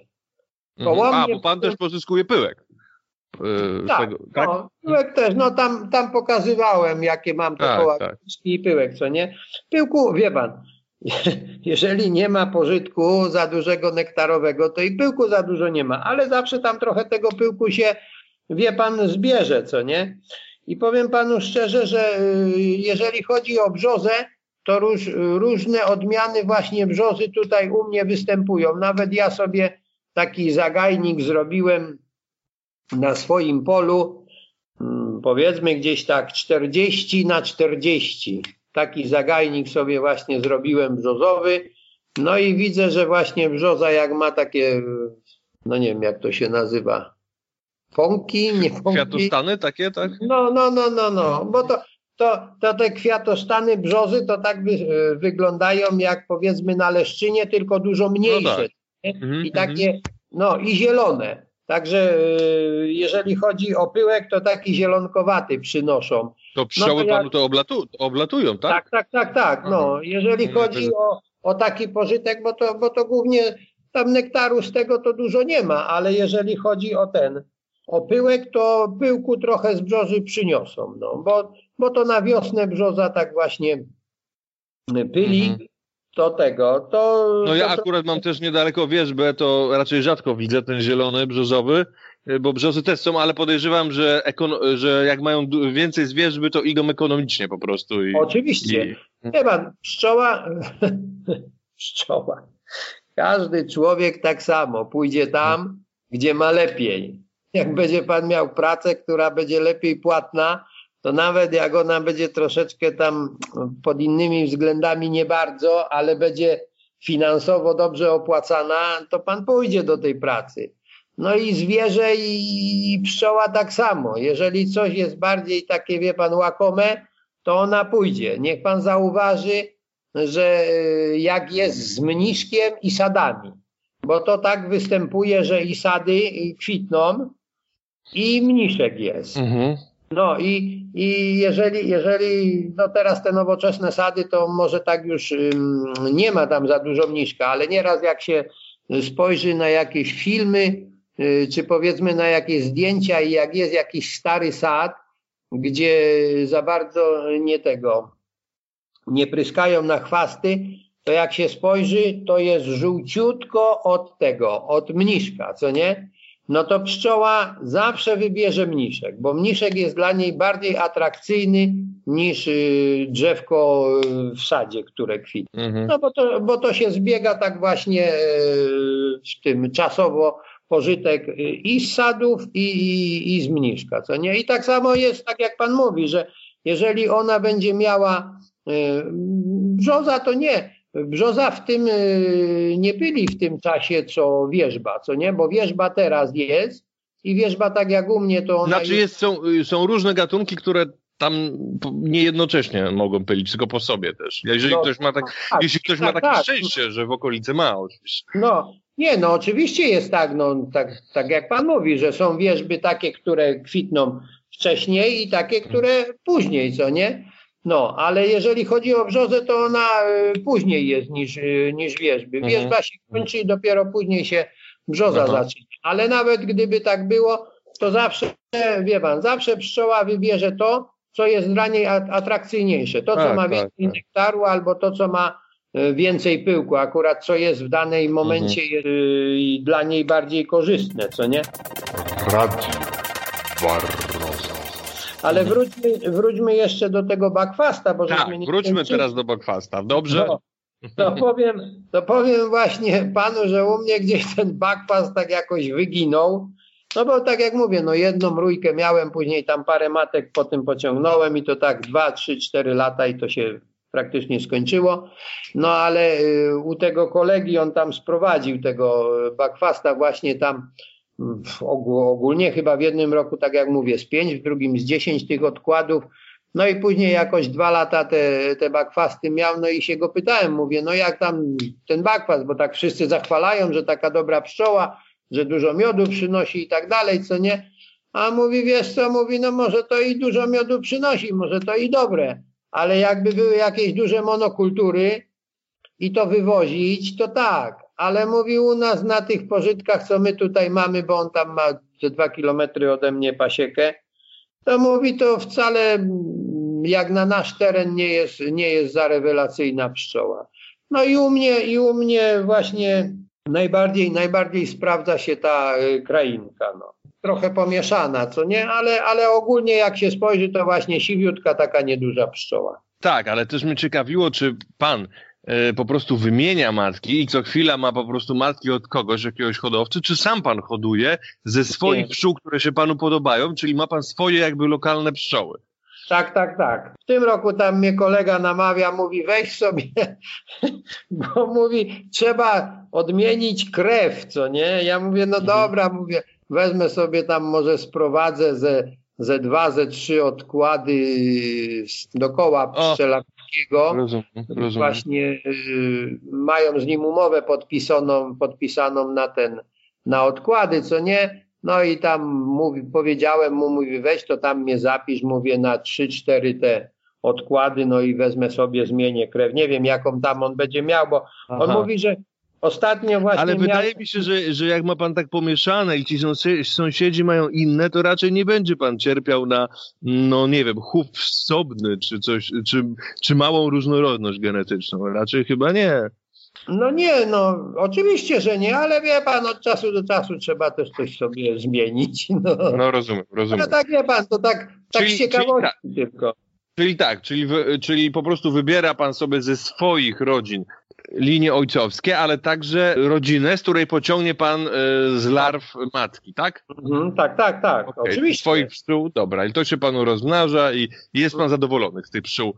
No, tak jak każdy, no. Mhm, taki, mhm. taki hobbysta, no. Tak, ale niektórzy tak y, twierdzą, że, no, że, że, że, takie swojskie pszczoły to nie będą tam nosiły miodu, czy tam będą agresywne, a niekoniecznie ja to musi być prawda, prawda? Tak no ja panu powiem. Oczywiście, bo to jest tak.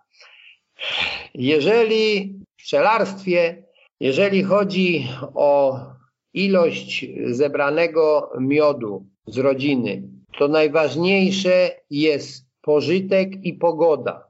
Mhm. Pszczoła, rasa pszczoły to jest rzecz powiedzmy drugorzędna czy trzeciorzędna. Mhm. Najważniejszy, najważniejsza jest baza pożytkowa i pogoda. Bo wie pan, może pan mieć najlepsze pszczoły. Jeżeli nie będzie pogody i nie będzie pożytku, no to, no wie pan, i z pustego to i Salomon nie naleje. Ale jeżeli będzie pan miał taką zwykłą pszczołę, jak to się mówi, tak jak psa kundla, prawda? Ale będzie pan miał dużą monokulturę, to na pewno panu przyniosą. Pewno, że są rasy pszczół, jeżeli, jeżeli chodzi o czystość rasy, powiedzmy, no tak jak mówię, jest, jest bakwas, na pewno to jest, no nie neguję tego, na pewno to jest, mhm. myślę, że to jest dobra pszczoła na jakieś duże monokultury, to myślę, że to jest dobra pszczoła, ale to musi być naprawdę duża, duża monokultura i tą pszczołę jak się wywiezie, to ona na pewno by więcej, więcej przyniosła, wie pan, miodu niż taka, taka pszczoła powiedzmy no lokalna jak ja mam, co nie? No bo ona już jest do tego przystosowana, to jest, wie pan, ja to tak wytłumaczę może w ten sposób. To jest taki broiler, kurczak. może no, tak. o, o, właśnie.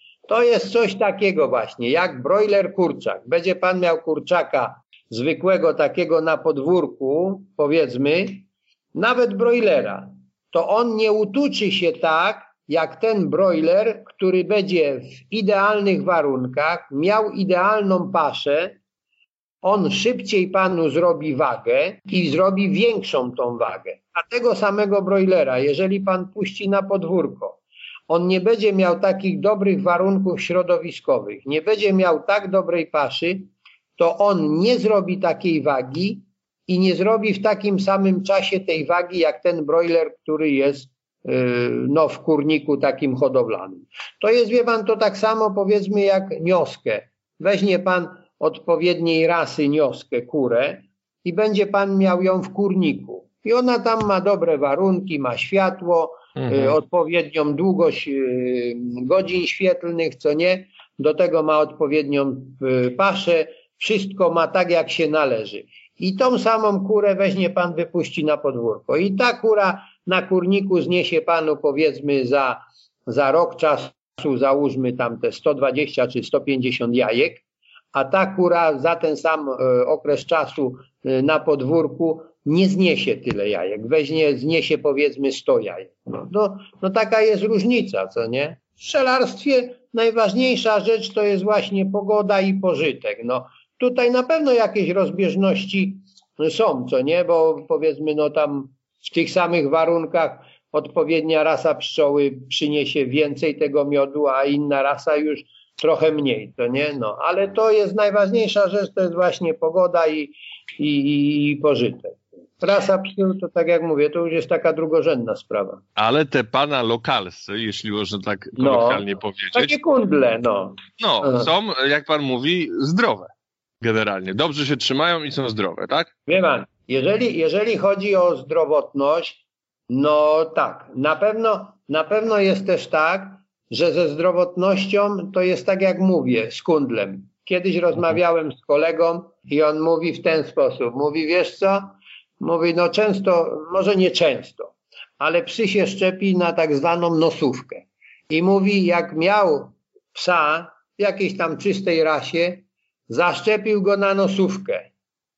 I bo weterynarz do niego przyjechał i mówi, no tego czystorasowego zaszczepić na nosówkę, co nie? No bo trzeba go tam zaszczepić, bo jest bardziej delikatniejszy, co nie? Ale mówi, tu mam takiego, mówi pieska, wie pan, tu lata po podwórku tego, a ten weterynarz mówi, panie, tego to nie trzeba szczepić, mówi, on przeżyje wszystko. No i faktycznie przyszła nosówka i nawet ten pies, który był szczepiony na nosówkę, chorował, a ten kundel latał i nie zachorował na nosówkę i nie był mhm. szczepiony.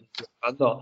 Jest, ja panu powiem, jest też taka zasada w zootechnice, że jeżeli coś jest w czystej rasie, a więc czysto rasowe, to musi mieć lepsze warunki i zawsze będzie delikatniejsze niż to, co mówimy, takie skundlone. Bo mhm. to, co jest takie, wie pan, skundlone, to ono jest bardziej odporne. Bardziej tak. odporne tak. na wszystko. Na warozę to może nieco, nie? Waroza. W ten sposób przechodzimy od zdrowotności pszczół, żeby pan powiedział, jakie metody lecznicze pan stosuje u siebie w pasiece. Bo one też są ciekawe, bo zdaje się, że no. e, raczej jest pan w tym oszczędny, z tak. tego co wywnioskowałem. Powiem panu szczerze, że tak. Z jednej strony troszeczkę y, tak y, kieruje się mm, ekonomią, a więc y, po co wydawać dużo pieniędzy na jakieś lekarstwa, a lekarstwa dla pszczół wcale nie są też takie tanie. Też powiem panu, że jeżeli chodzi o mm, leczenie, to myślę, że metody naturalne nie są też takie wcale złe. Mm, przekonałem się u siebie, na warozę dobrze działa ziele jaskółcze. I na internecie, ja to oczywiście z internetu wziąłem, to nie jest, to nie jest wcale mój wymysł. Przeczytałem to na internecie, na jakimś tam forum, że y, syberyjscy pszczelarze właśnie na warozę stosują jaskółcze ziele. I tego się bierze 10 deko jaskółczego ziela, ja to po prostu biorę jak ono już jest, bo nawet już teraz zaczyna z ziemi wyłazić, tam mam koło tak, domu tak, tak. trochę Bardzo ekspa ekspansywna widzę, że roślina tak. i odporna. Oczywiście. Mhm. I ono już nawet teraz z ziemi zaczyna wyłazić i jak tylko y, pogoda się y, unormuje, to znaczy, że już będą takie y, ciepłe dni i będzie można y, zrobić taki generalny przegląd y, w tym w gnieździe, to właśnie robię w ten sposób, że biorę sobie o każdej porze roku, bo to, no nie wiem, może o, w jednym czasie e, ta roślina może jest e, bardziej e, taka leczni, leczniczo działa, w innym okresie czasu może mniej, co nie, no ta, to tak jak zioła, mhm. że powinno się zbierać tam powiedzmy tam jak przekwitnie jakieś ziele, prawda? I wtedy się mhm. zioło zbiera i tam się suszy, powiedzmy. No akurat tego, no można suszyć, ale najlepiej to jest na tego, e, tak na bieżąco sobie robić taki wywar. Ale ja to tak jak mówię, czy, czy na kwitnieniu, czy nie na kwitnieniu, biorę sobie tam mniej więcej tak z 10-15 deko tego ziela do dzbanka, dwa litry wody wrzącej, zalewam to i pół godziny y, to po prostu się y, parzy. Po pół godzinie przecedzam sobie ten odwar i wystudzam. Jak go wystudzę, do spryskiwacza, no takiego zwykłego mhm. spryskiwacza i po prostu jak robię sobie przegląd rodziny, no to ten spryskiwacz mam pod ręką, wyjmuję mhm. ramkę z jednej, z drugiej strony prys i z powrotem do tego, do ula. I przekonałem się, że, bo to już ładnych kilka lat stosuję to jaskółcze ziele, że jednak pszczoły są bardziej takie, można powiedzieć, jurne zdrowotnie i, i warozy jest y, na pewno mniej, bo jednak działa. Działa to na mhm. warozę, bo widzę, że właśnie tam waroza po tym y, też spada. Ale i mniej jest powiedzmy tej warozy y, w rodzinie, co nie? No, oprócz tego jeszcze y, już to, to to stosuję normalnie przez cały sezon, bo przeważnie w miodni tego nie stosuję. Bo tylko jak przeglądam rodnie, co nie? No bo jak miodnie, no to z miodni to biorę. U mnie akurat są te małe rameczki, one są w takiej małej nadstaweczce, takiej skrzyneczkowej. No to sobie miodnie zdejmuję i jak rodnie przeglądam tam, no to tam w rodni sobie pryskam tym, tym jaskółczym zielem i to, mhm, mhm. to przez cały sezon robię. A jeżeli chodzi o zwalczanie warozy już tak y, po sezonie, no to jak y, jest y, po lipie już powiedzmy gdzieś tak w sierpniu, biorę sobie kwas mrówkowy, no najlepiej, najlepiej podobno, podobno, ale przecież wydaje mi się, że temperatura w ulu jest jednakowa. No bo 36 hmm. stopni no tak. musi być, co nie? No to na zewnątrz może być temperatura 30 stopni, a w środku musi być 36 stopni. Tak samo jak i na zewnątrz jest powiedzmy minus 10, a w środku y, w kłębie jest tam powiedzmy plus mhm. 15 czy plus 20, co nie? Mhm, no bo mhm. to, to jest temperatura, która w ulu musi być. No i wtedy sobie biorę, ja to robię w ten sposób, że strzykawkę mam, taką większą strzykawkę, no tam 10, tam setka chyba by wchodziła, bo 10 ml jest, nie więcej, 50, 50.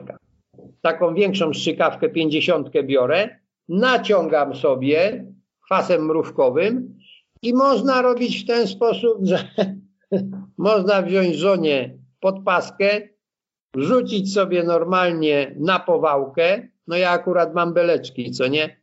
To tam z jednej strony i z drugiej strony po jednej beleczce wyjmuję i na tą podpaskę 10 ml tego kwasu mrówkowego i zamykam mól i następny i zamykam i zamykam i mhm. zamykam i tak przez 10 dni. Przez 10 dni po 10 ml. Niektórzy Codziennie, tam, tak? Codziennie? Tak, codziennie. Mhm. Niektórzy tam widzę robią w ten sposób. Można też, y, kolega robi w ten sposób, że są takie, ja nie wiem jak to się fachowo nazywa, ale takie gąbki jak się robi jak to floryści, jak robią z kwiatków takie kompozycje, to oni wbijają te kwiatki do takiej kostki.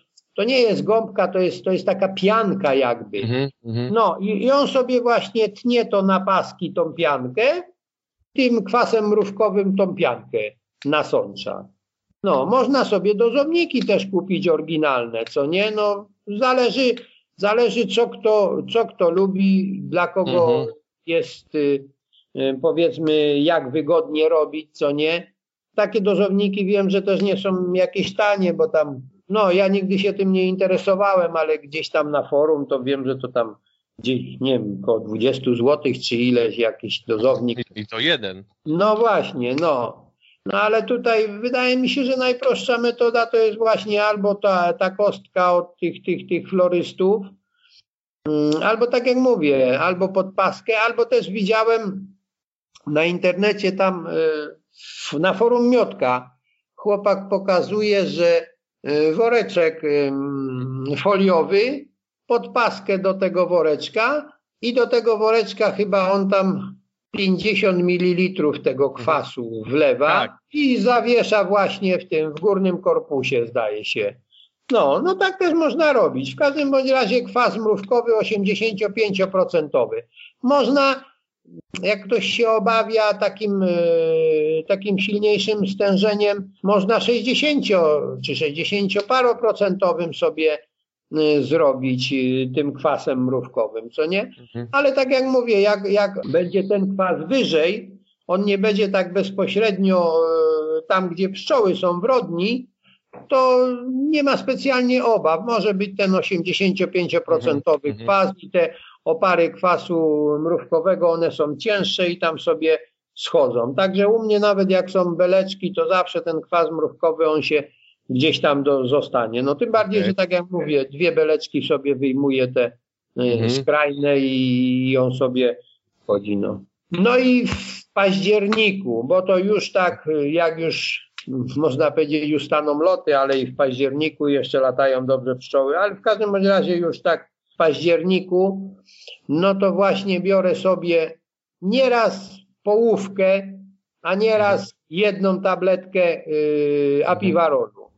Mhm. I spalam i to już w zupełności yy, u mnie, yy, u mnie wystarcza. Czyli jakby ktoś chciał zrobić, spróbować zastosować metodę e, Janusza Szalaja, to tak, podsumowując, no. oprysk, częsty oprysk wywarem e, z jaskółczego ziela, ramka pracy w sezonie, e, po lipie kwas mrówkowy i połówka, czy lub cała tabletka jeden no. raz. Apiwarodu, tak? tak? Tak, tylko raz i no u mnie akurat w zupełności to wystarczy.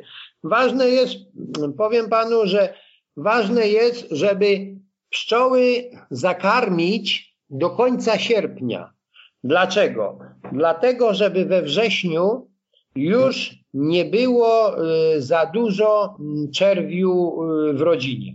Bo mhm. wtedy, mm, wtedy mamy i silne pszczoły na wiosnę, dlatego że mamy wtedy dużo pszczoły młodej, która nie jest spracowana, i łatwiej nam jest właśnie zwalczyć też y, tą warozę.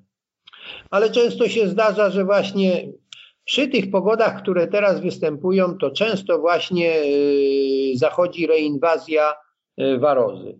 Bo tak jak mówię, że jeszcze zdarza się, że i w listopadzie to na pewno bardzo często pszczoły latają, ale nieraz i w grudniu pszczoły latają.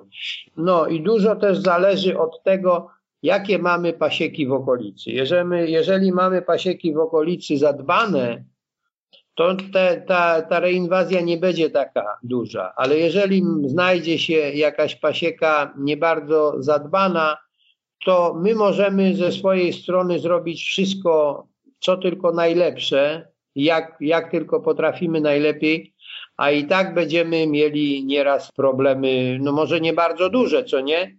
ale możemy mieć y, dość spore właśnie problemy mm, z warozą, bo mogą nam przywlec, y, rabując jakieś mhm. tam inne rodziny z innych pasiek, gdzie po prostu pasieka jakaś będzie zaniedbana. Także no mówię, no można ze swojej strony zrobić nieraz wszystko to, co jest tylko możliwe jak najlepiej, a i tak coś przywleczemy. No powiem mm, taką Y, sytuację, którą teraz y, na agrobiznesie oglądałem wczoraj chyba albo przedwczoraj.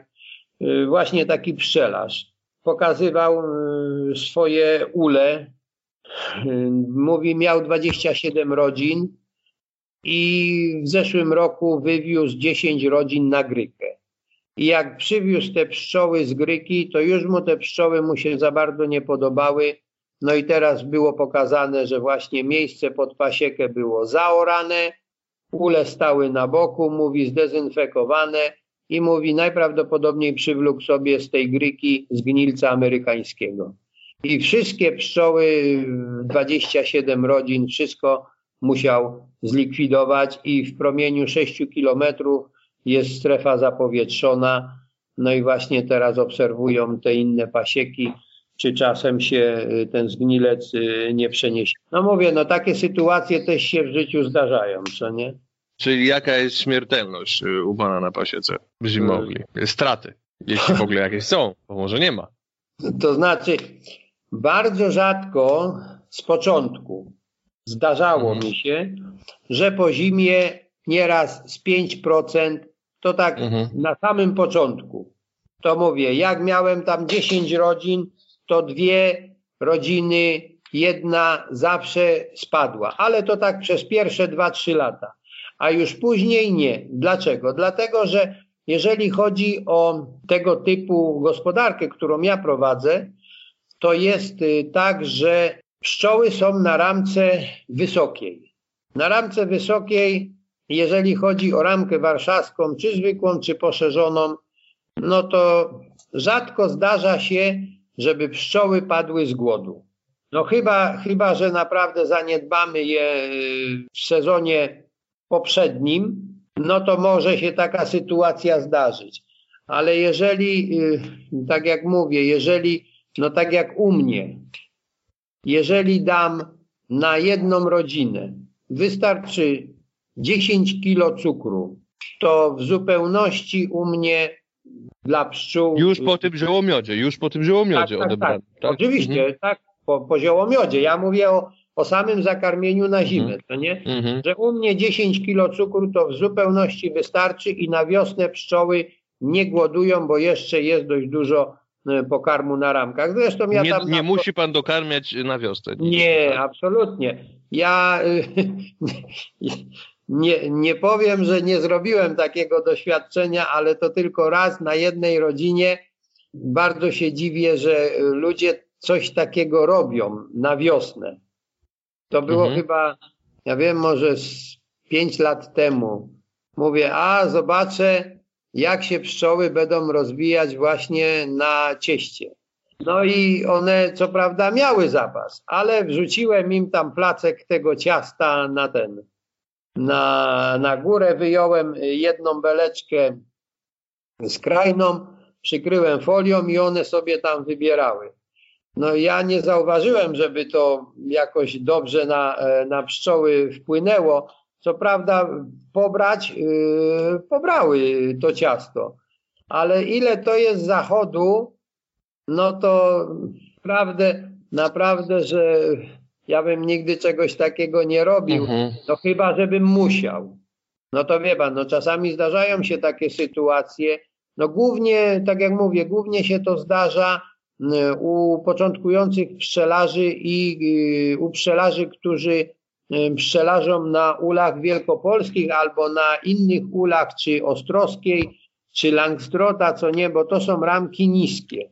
I na niskich ramkach no, może się właśnie taka sytuacja zdarzyć, że pszczoły y, będą miały mało pokarmu, dojdą do góry, a ochłodzenie przyjdzie i one już na boki y, raczej nie pójdą y, za pokarmem.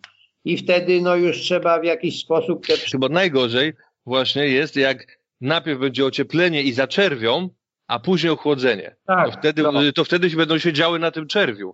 A w wysokiej ramce, jak w Warszawie, jak jest tak, że jak zaczerwią, to nad sobą mają ten pokar, nie? I wtedy to nie przeszkodzi, nie? No właśnie. I ten pokar, wie pan, na ramkach właśnie wysokich o tyle jest dobrze z pokarmem, że ciepło, które idzie z kłębu, ono idzie do góry. I zawsze ten pokarm u góry będzie bardziej dostępny i lepiej przyswajalny dla pszczoły, niż taki pokarm, który jest z boku na ramkach, bo on z boku będzie zawsze zimniejszym pokarmem, a tutaj u góry on będzie cieplejszy, bardziej rozwodniony, bo jednak ta wilgoć wchłonie się do mhm. tego pokarmu, który jest na ramkach. No, no, no, no dlatego są lepsze te ramki. No ale tak jak mówię, no kiedyś, nie wiem no jak teraz, no ale są pszczelarze, którzy, którzy wiedzą o tym, że mm, zimując na powiedzmy ulu wielkopolskim, dobrze jest dać półnadstawkę pod spód. No, żeby utworzyła się tak zwana poduszka powietrzna i jak się dobrze zakarmi pszczoły, to one wtedy większy wianuszek tego pokarmu zostawią sobie nad głową, bo będą miały miejsce, gdzie się uwiązać na dole mhm. i nad głową sobie zawsze zostawią więcej pokarmu. A jeżeli jeżeli robimy w ten sposób, że zimujemy tylko na jednym korpusie, to one nad głową niedużo sobie właśnie zostawiają tego pokarmu. Ale tak jak mówię, no teraz są takie zimy, że praktycznie no, no, no ciężko, żeby tam pszczoły z tak, głodu tak. padły. No właśnie najgorsze jest to, tak, tak jak pan mówi, jak przyjdzie takie długotrwałe ochłodzenie, bo ja tak jak mówię, no jak wypadnie tam tak, tak jak teraz, dwa, trzy dni jakieś tam chłodniejsze tylko, co nie? I nie ma jeszcze takich specjalnie przymrozków, no tam co tam, tam minus dwa stopnie, ale przedwczoraj nie było mrozu, w nocy, co nie, a, a w dzień już jest temperatura powiedzmy 7, 8, 9 stopni, to one już zaczynają po całym ulu chodzić. To one tam sobie zawsze, jeżeli mają na boku, to coś tam sobie przyniosą do tego, do środka mhm. Mówię, no takie, takie sytuacje nieraz zdarzają się, że tak jak pan mówi, że przyjdzie takie dłuższe ochłodzenie, no i wtedy jest problem. Ale mówię, no to jest problem na ramkach właśnie tych niskich. Jeżeli mhm. ktoś nie ma doświadczenia i na jednym korpusie tylko zimuje, no to jest problem. No nawet jak zimują nieraz, bo mówią, no na dwóch korpusach zimują, co nie, tam mają po pięć ramek powiedzmy w dolnym korpusie i pięć ramek w górnym korpusie. Ale tu jest właśnie taka, takie jeszcze niebezpieczeństwo. Chodzi o tą przerwę między dolnym a górnym korpusem. I tak jak żeśmy rozmawiali o tych ramkach, które, które nie mają pełnej beleczki dolnej, tylko taką połówkę i one sobie same dorabiają tyle im, ile im potrzeba. I jeszcze ważna rzecz jest taka, żeby zakarmić w ten sposób, żeby one nad, powiedzmy nad głową miały pełne ramki pokarmu od góry do dołu.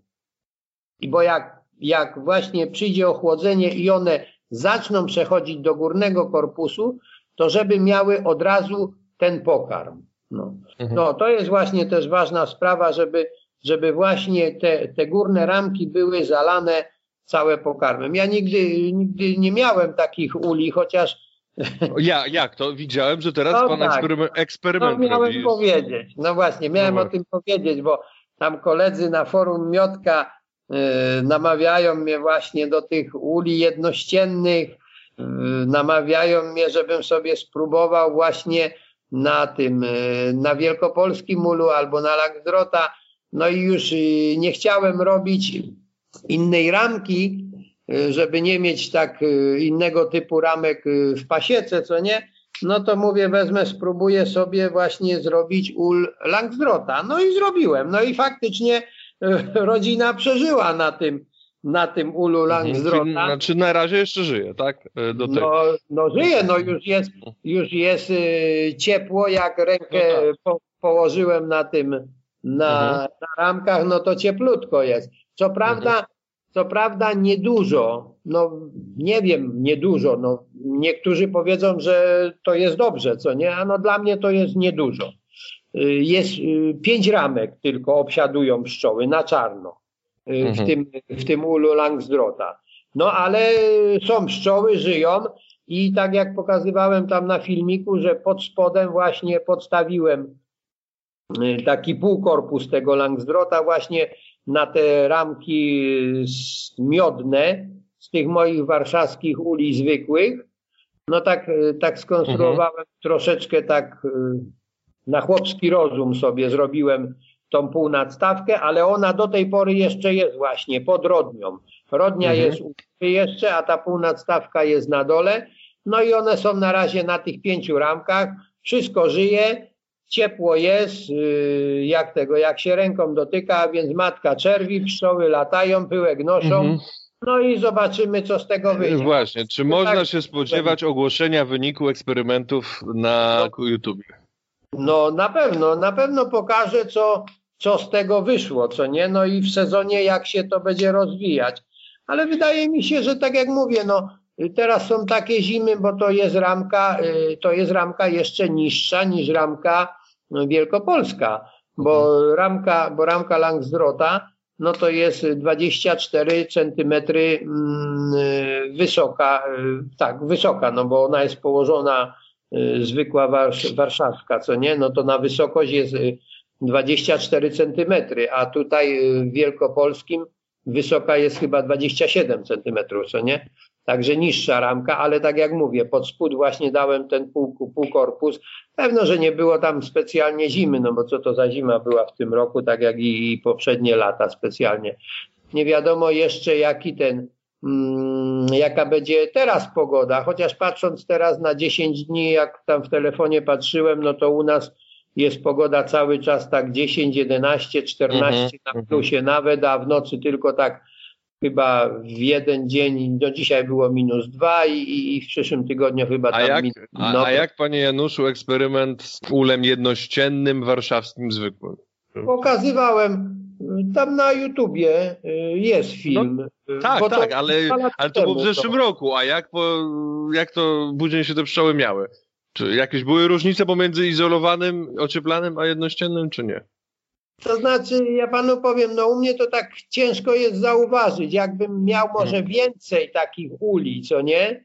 No bo co, no to na, na jednym ulu to tak ciężko no tak. powiedzieć. No. no żadne porównanie, to prawda. Ogólnie no, ogólnie, yy, ogólnie jest tak, że jak wybierałem miód, no to można powiedzieć jakieś, jakieś 15 kilo Y, z jednej rodziny tam wybrałem. Zresztą tam nawet pokazywałem, na YouTubie tam chyba jest, że, że pokazywałem ile tam mm, w miodni było e, ramek z miodem. No to tam 10 e, ramek chyba było i, i na każdej ramce jest tak, no tak mniej więcej kilogram miodu, co nie? No to wybierałem dwa razy, no nie wszystkie były tak dokładnie poszyte. To tak myślę, że gdzieś koło 15 kilogramów Y, miodu z tego, mm, mhm, z jednej mhm. rodziny wziąłem. A w tych ulach y, normalnych to też tak wychodzi. Też tak wychodzi. U mnie to, tak jak mówię, u mnie to nie, nie wychodzi dużo mm, miodu z rodziny, bo u mnie to tak trzeba liczyć między 15, a góra, jak jest dobry rok, gdzieś 23-25 kilo z rodziny. Ale to już musi być dobry rok, bo tak jak mówię, że u mnie są y, naprawdę bardzo bardzo słabe ziemie, no mhm. i jak na takiej ziemi i nieużytkach, to, to tam specjalnie nie, no, no nie ma z czego, nie ma z czego, żeby, żeby miodu e, narobiły pszczoły. To proszę powiedzieć jeszcze, e, jakie są korzyści e, w, w kilku zdaniach tego mm, ula dwurodzinnego? I dla to znaczy, pszczelarza, i dla pszczół. Czy są jakieś? Dla, dla pszczelarza to według mnie jest taka fajna robota, bo tak, nie muszę tych korpusów dźwigać, nie, nie pracuję w pozycji y, takiej półzgiętej, no bo przy tych ulach korpusowych to jednak y, przynajmniej na wiosnę to się robi w pozycji takiej półzgiętej, a nawet y, i później, no to jednak jak no tak. się ten jeden korpus, to człowiek musi być schylony. Tutaj ja sobie stoję wyprostowany, Y, przy tym ulu. To jest jedna sprawa. Druga sprawa, jeżeli chodzi o, o wgląd do rodziny pszczelej, nie trzeba tak często właśnie rozbierać gniazda, no bo otwierając właśnie te boczne drzwiczki, no praktycznie mamy jak na dłoni wgląd w głąb gniazda, co nie, bo widzimy, czy matka czerwi, czy nie czerwi, Mm, czy tego, y, czy, czy rodzina jest bardziej mhm. silna, czy jest troszeczkę mniej silna, co nie, kiedy mamy dołożyć węzę, kiedy, kiedy mamy powiedzmy dołożyć tam susz, co nie, tak jak na wiosnę. No, także no, no takie tak, są tak. korzyści, że nie, że nie trzeba tyle e, tak, tak często zaglądać do tego gniazda i dla początkującego pszczelarza jest taka, taka łatwiejsza praca, co nie? No tutaj, tak jak widać tam na, na filmie, no jeżeli chodzi nawet o zakarmianie, no to kiedyś, jak y, po, powiedziałem, napisałem na forum Miotka, że ja w ciągu, nie wiem ile tam wyszło, w ciągu chyba 15 sekund chyba na zakarmienie jednej rodziny, no to, mhm. to, to śmiali się, że ja na wrotkach jeżdżę po pasiece. No a to jak nakręciłem film, to chyba jeszcze krócej wyszło, że tam 30 rodzin zakarmiłem mhm. bardzo ja już nie pamiętam ile, ale w bardzo krótkim okresie. Pamiętam ten film, pamiętam. No, no, to, no to później pisali, że no można kropidłem nawet zakarmiać pszczoły. No ale tak jest. Jak tutaj podchodzę, otwieram daszek sobie praktycznie jednym palcem i mam dwie rodziny, dwie podkarmiaczki od razu na wierzchu i tylko nalewam daszek mhm i dziękuję, do widzenia. Przy innych ulach trzeba ten daszek zdjąć, odłożyć na bok, nalewać, kombinować. No pewno, że można sobie podkarmiaczkę i dziesięciolitrową. No tak, ale, ale panie Januszu, w leżaku jednorodzinnym to też tak samo można robić. Zgadzam się, tylko tak jak mówię, jest mhm. taka zaleta, że ja otwieram daszek i mam dwie rodziny. A, no tak, no. czyli szybkość obsługi, to prawda. Tak, no, bo tutaj, tutaj powiedzmy mamy, no załóżmy, mamy jednakowe pasieki po 30 rodzin. No to tutaj by trzeba otworzyć 30 daszków, a tutaj się otwiera tylko 15 daszków, bo są dwie mm-hmm. rodziny, prawda? To tu już jest duża oszczędność czasu. No, bo tak jak, no, tak jak mówimy, oczywiście, że tutaj tu się otwiera daszek i tu, tylko że tu się otwiera daszek do jednej rodziny i trzeba mieć tych 30 uli, a tutaj mam tylko 15 uli. No, także no szybkość jest obsługi, co nie, no, no nie wiem, no jakie zalety. No, tak jak mówię, dla starszych ludzi no to jest na pewno dobre i na takie pasieki stacjonarne, no bo przecież na wywóz no to się nie nadaje w ogóle, co nie? No chociaż nie wiem, podobno tam nawet i ludzie wędrują z takimi ulami ciężkimi, no ale to, to by było chyba raczej bez sensu, no zainspirowałem się panem i spróbowałem sobie to w zeszłym roku tak dwurodzinnie zrobić na warszawiakach, ale po prostu tak y, tymczasowo to zrobiłem, że wstawiłem im po prostu własnej roboty ze sklejki zatwór taki szczelny w środek. I tak miałem dwie rodziny. No to szybciej się rozwijały. Całkiem inna jest właśnie sytuacja termiczna w takim ulu niż w ulu jednorodzinnym, nawet w ulu jednorodzinnym ocieplonym. Bo tutaj pszczoły tworzą jeden kłąb, dwie rodziny tworzą jeden kłąb i ogrze, ogrzewają, yy, dużo mniej energii zużywają na ogrzewanie siebie, bo one się grzeją nawzajem. Tak samo i na wiosnę, i tak samo jest w zimę. No, na, na pewno się szybciej rozwijają. Nieraz, nieraz można nawet zrobić w ten sposób, że na wiosnę na dwie rodziny wstawić jedną nadstawkę, i pszczoły będą chodzić do jednej nadstawki i będą nosić. Tak zrobiłem właśnie. No. E, tylko, że wtedy chyba trzeba dać kratę, żeby matki się nie spotkały. Nie, nie, nie, nie. One tylko, tylko żeby, żeby nie wyciągnąć wszystkich beleczek. Tylko te skrajne A, beleczki. Chyba, no. że tak. No prawda. No, to te, wtedy matki te, tam nie pójdą, tak? tak? tak. Te skrajne beleczki, to one nie pójdą. Pewno, że cały sezon to nie może być, ale z początku na te, na te pierwsze powiedzmy tam, no nie wiem, nasady, tak, no nasady, no bo na, no ja nie mam rzepaku, to mhm. tak jak mówię, no u mnie tam sady to, to można śmiało sobie rzucić i, ta, i, i, tak zrobić i pszczoły się wcale nie zetną. I też jest zaleta przy łączeniu, tak? To, e, że tak. no jeżeli jedna rodzina straci matkę czy coś, no to bardzo łatwo po prostu je połączyć, bo zapach jest wyrównany, więc one się tam nie będą... Zresztą ja zauważyłem, że na, robotnicy z dwóch tych rodzin, jak się spotykają, to nic sobie nie robią. One tak, tak. mają wyrównany zapach. Nawet jeżeli matka jedna, y, powiedzmy, padnie w zimę, co nie? Albo nawet do zimowli, jeżeli pójdą bez matek, pójdzie, to on nie tego, y, nie osypie się, bo mhm. czuje przez przegrodę drugą matkę. Gdyby była rodzina bez matka, zostawiona na zimę, albo matka w zimę padnie, to przeważnie pszczoły się osypią. A tutaj, tutaj się pszczoły nie osypią, bo one przez przegrodę czują drugą matkę. I później tak. na wiosnę bardzo łatwo jest te pszczoły połączyć, bo sobie przegrodę troszeczkę y, z początku, y, powiedzmy tam z centymetr y, pod spodem podłożyć beleczkę i do góry podnieść przegrodę, albo przegrodę tylko podnieść i jakoś ją zablokować, żeby ona nie opadła, co nie. No i na powiedzmy na 24 godziny tak zostawić. Po 24 godzinach iść sobie, całkiem się przegrodę wyciąga, nie ma żadnego problemu. Otóż ten szybszy rozwój też powoduje jednocześnie, że one wcześniej, yy, przynajmniej u mnie tak to widziałem, mogły wpaść w nastrój rojowy. Wcześniej te trutnie budowały i tak dalej. Więc jak w bólu takim warszawskim zwykłym, takim głębokim, jak pan sobie radzi yy, z zabiegami przeciwrójkowymi? Zabiegi przeciwrójkowe są różne, co nie? No najlepiej mieć pszczoły, które się mm, mało roją, co nie? No bo mhm. nie wiem, czy są takie pszczoły, które się w ogóle nie roją. No chyba nie ma. Jest takie mądre powiedzenie, że przychodzi czas i pszczoły się roją. I to mhm. jest prawda.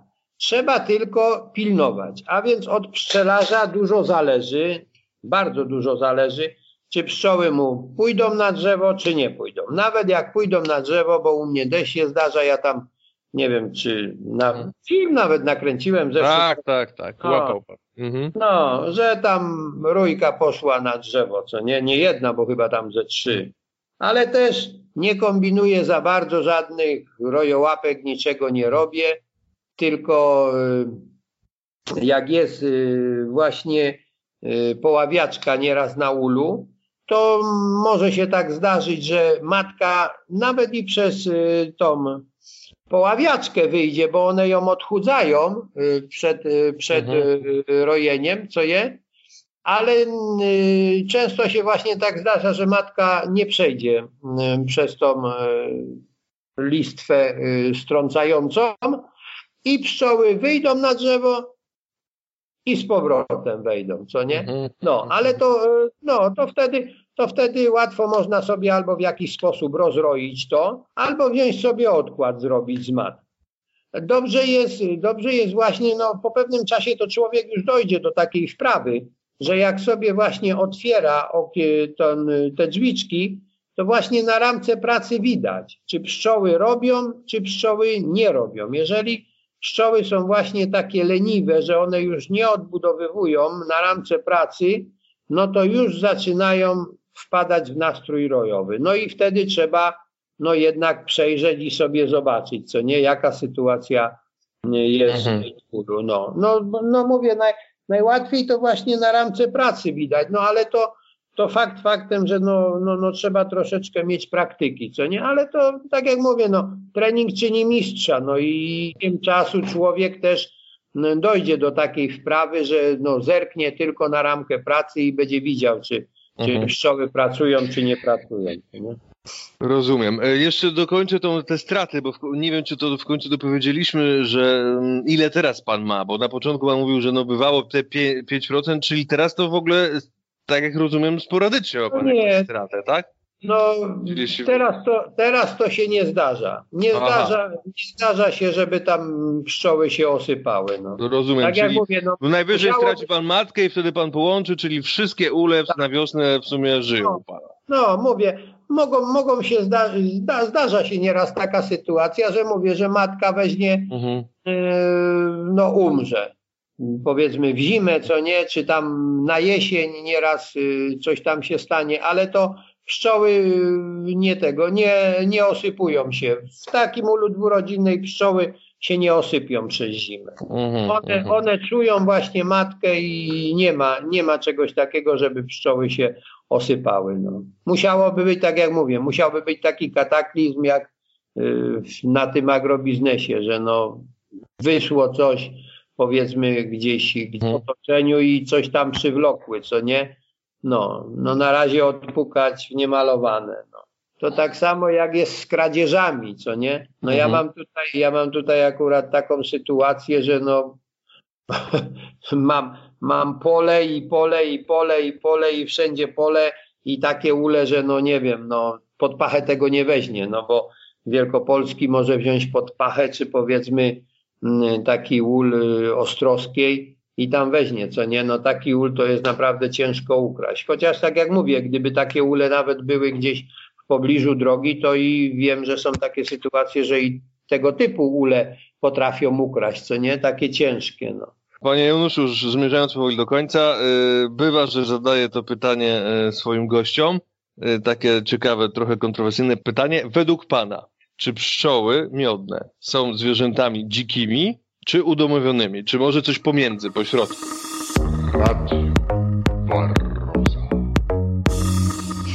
No ciężko mi odpowiedzieć na to. No bo tak, na pewno, ale wydaje mi się, że no wszystkie zwierzęta człowiek udomowił. No bo znaczy przecież... te wszystkie, które hoduje. Tak, tak. tak. No, no, no wszystko kiedyś było dzikie. No tak. No, a człowiek to, to wszystko udomawia. No to ta, tak samo i jak z roślinami. No wszystkie rośliny kiedyś były dzikie, a teraz człowiek tak zrobił, że są no nie dzikie, tylko są jak to, no rośliny no, udomowione, rolne, to się nazywa no, udomowione. No, ro, rośliny uprawne, co nie? No tak, a kiedyś, tak. kiedyś, były dziko rosnące, no a teraz nawet... Tak, się zmienił, pod wpływem hodowli e, no. człowieka no. się zmieniły przez wiele no, lat. Tak. Bo to i genetycznie, no człowiek, tak, jak najbardziej. człowiek ze swojej chciwości wszystko chce zmieniać, no. Nie zawsze na, na lepsze, częściej zmienia to na gorsze, co nie? To już kwestia światopoglądu. Ale jak e, właśnie u pana jest ten świat, e, jak pan sądzi z tymi pszczołami? czy są raczej dzikie, czy udomowione? No nie, no, no teraz, teraz w dużej mierze są udomowione. No może, może Rozumiem. Tam, na pewno, na pewno gdzieś tam dziko sobie jakieś pszczoły żyją. No nie wiem, jak one sobie tam z warozą radzą. No niektórzy mhm. mówią, że pszczoła sobie potrafi sama z warozą poradzić. Może i sobie radzi, bo z tego, co tam czytam, naukowcy się wypowiadają niektórzy, że pszczoła w swoim naturalnym środowisku, no środowisku, w swojej mhm. naturalnej formie, powiedzmy w dziupli, ona sobie y, robi komórkę trochę mniejszą niż taką, jak my jej dajemy na węzie. I, i, I, podobno jest tak, że na tej mniejszej komórce gdzieś ta waroza się tak nie rozwija, bo ona nie ma za dużo miejsca żeby tam y, powiedzmy wyżyć na tej Zgadza się, zgadza ale się, ale, no tego ale nie. czy aż w takim stopniu, żeby nie padło od warozy, to no, chyba jest nieudowodnione. No. E, ale to po prostu było tylko pytanie. Tu, jeżeli no. pan ma taki pogląd, że raczej jest udomowiona, to dobrze. Będę zadawał takie pytania innym i zobaczymy za jakiś czas, e, który pogląd jest bardziej popularny. Dla samej ciekawości to robię. No na pewno, na pewno udomowił z tego względu, że no trzyma to koło domu. No to jest udomowione, co nie? Jasne. Panie Januszu, czy chciałby coś na koniec pan powiedzieć od siebie? Pszczelarzom. To ja mogę powiedzieć. Jeżeli ktoś chce, to zachęcałbym, jeżeli nie ma żadnych przeciwwskazań do hodowania pszczół, to bym zachęcał najbardziej może takich ludzi już starszych, bo jedno, że to i zdrowe jest, jak tam człowiek troszeczkę weźmie i dostanie parę żądeł, to na pewno na zdrowie pójdzie. Miód jest zdrowy, propolis to mogę powiedzieć, bo na sobie też przepraktykowałem, bardzo, bardzo zdrowy, mhm. jeżeli chodzi o a, a jaką, jakie stężenie pan robi ek, ekstraktu? Ja, ja robię w ten sposób, że biorę 5 deko y, tego do kitu pszczelego do y, pół litra, ale 70% spirytusu. Dlaczego 70%? Dlatego, że w 95% spirytusie rozpuszcza się tak samo wosk. I później, jak nawet przecedzimy, to często jest tak, że nawet po przecedzeniu na dole robi nam się takie mętne, taki mętny osad. To jest właśnie wosk. A przy stężeniu 70% spirytusu ten wosk się raczej nam y, nie rozpuszcza. Później jak przecedzimy ten ekstrakt, tak? No, w każdym razie jak to przecedzimy, to później mamy czyściutki właśnie e, propolis. Także mhm. Ja e, osobiście przepraktykowałem na sobie propolis na zębach, na stany zapalne mhm. zębów, mhm. ropa, jak się robi, to naprawdę to działa. Naprawdę to działa, na sobie to przepraktykowałem i na y, infekcję, jeżeli się właśnie w takim pierwszym stadium wyłapie, że już kaszel i coś tam człowieka bierze, to właśnie na wirusy i różne takie infekcje gardłowe, przeziębieniowe to działa. Płukać gardło i pić sobie. Ja robię w ten sposób, no już tam teraz to specjalnie nie odmierzam, ale taką malutką łyżeczkę od herbaty, pół szklanki wody przygotowanej, biorę sobie do ust, wypłuczę dobrze, gardło przepukam, a resztę wypijam. No i można powiedzieć, że, że dobrze, dobrze się mhm, czuję i, mhm. i naprawdę mogę z ręką na sercu powiedzieć, że to działa. Tym bardziej, że powiem jeszcze taką ciekawostkę. Miałem, y, y, mam znajomą. No i kiedyś ta znajoma właśnie mówi, a mówi, ty masz pszczoły, mówi, tam propolisu byś mi y, załatwił. Ja mówię, no nie ma problemu, robię y, na spirytusie, to ci taką setkową butelkę y, mm, przywiozę. No i przywiozłem ją te, tą setkową butelkę, wzięła tą setkową butelkę, za jakieś, ja wiem, może tydzień czasu spotkałem ją na ulicy, ale praktycznie ja jej nie dojrzałem, ale ktoś biegnie za mną i krzyczy, Janusz, Janusz, ja się zatrzymałem, mówię, patrzę ona. Tak z ciekawości sobie pomyślałem, mówię, co ona już wypiła, ten propolis? A ona hmm. mówi, mówi, weź mi przywieź jeszcze jedną setkę tego, te, tego propolisu, bo mówi, wiesz co, mówi, moja mama zatruła się grzybami. Gdzieś pieczarki hmm. sobie kupiła, gdzieś tam zrobiła jakoś te pieczarki. Mówi, zatruła się, mówi, tak się źle czuła, mówi, kurde. Mówi, i akurat sobie przypomniałam o tym propolisie. Dałam jej wypić właśnie tak jak mówię, pół szklanki wody, do tego łyżeczkę tego propolisu. Mówi, jakby ręką odjął. I drugą właśnie setkę też jej załatwiłem i ona kiedyś właśnie mówi, tak samo mówi, ona zatruła się też tam czymś. Na zatrucia też działa. Jeżeli chodzi o propolis, to no, z ręką na sercu mogę powiedzieć, że to jest przepraktykowane na sobie i na znajomych i to działa. Nawet na y, trudno gojące się rany też bardzo dobrze działa. Mhm.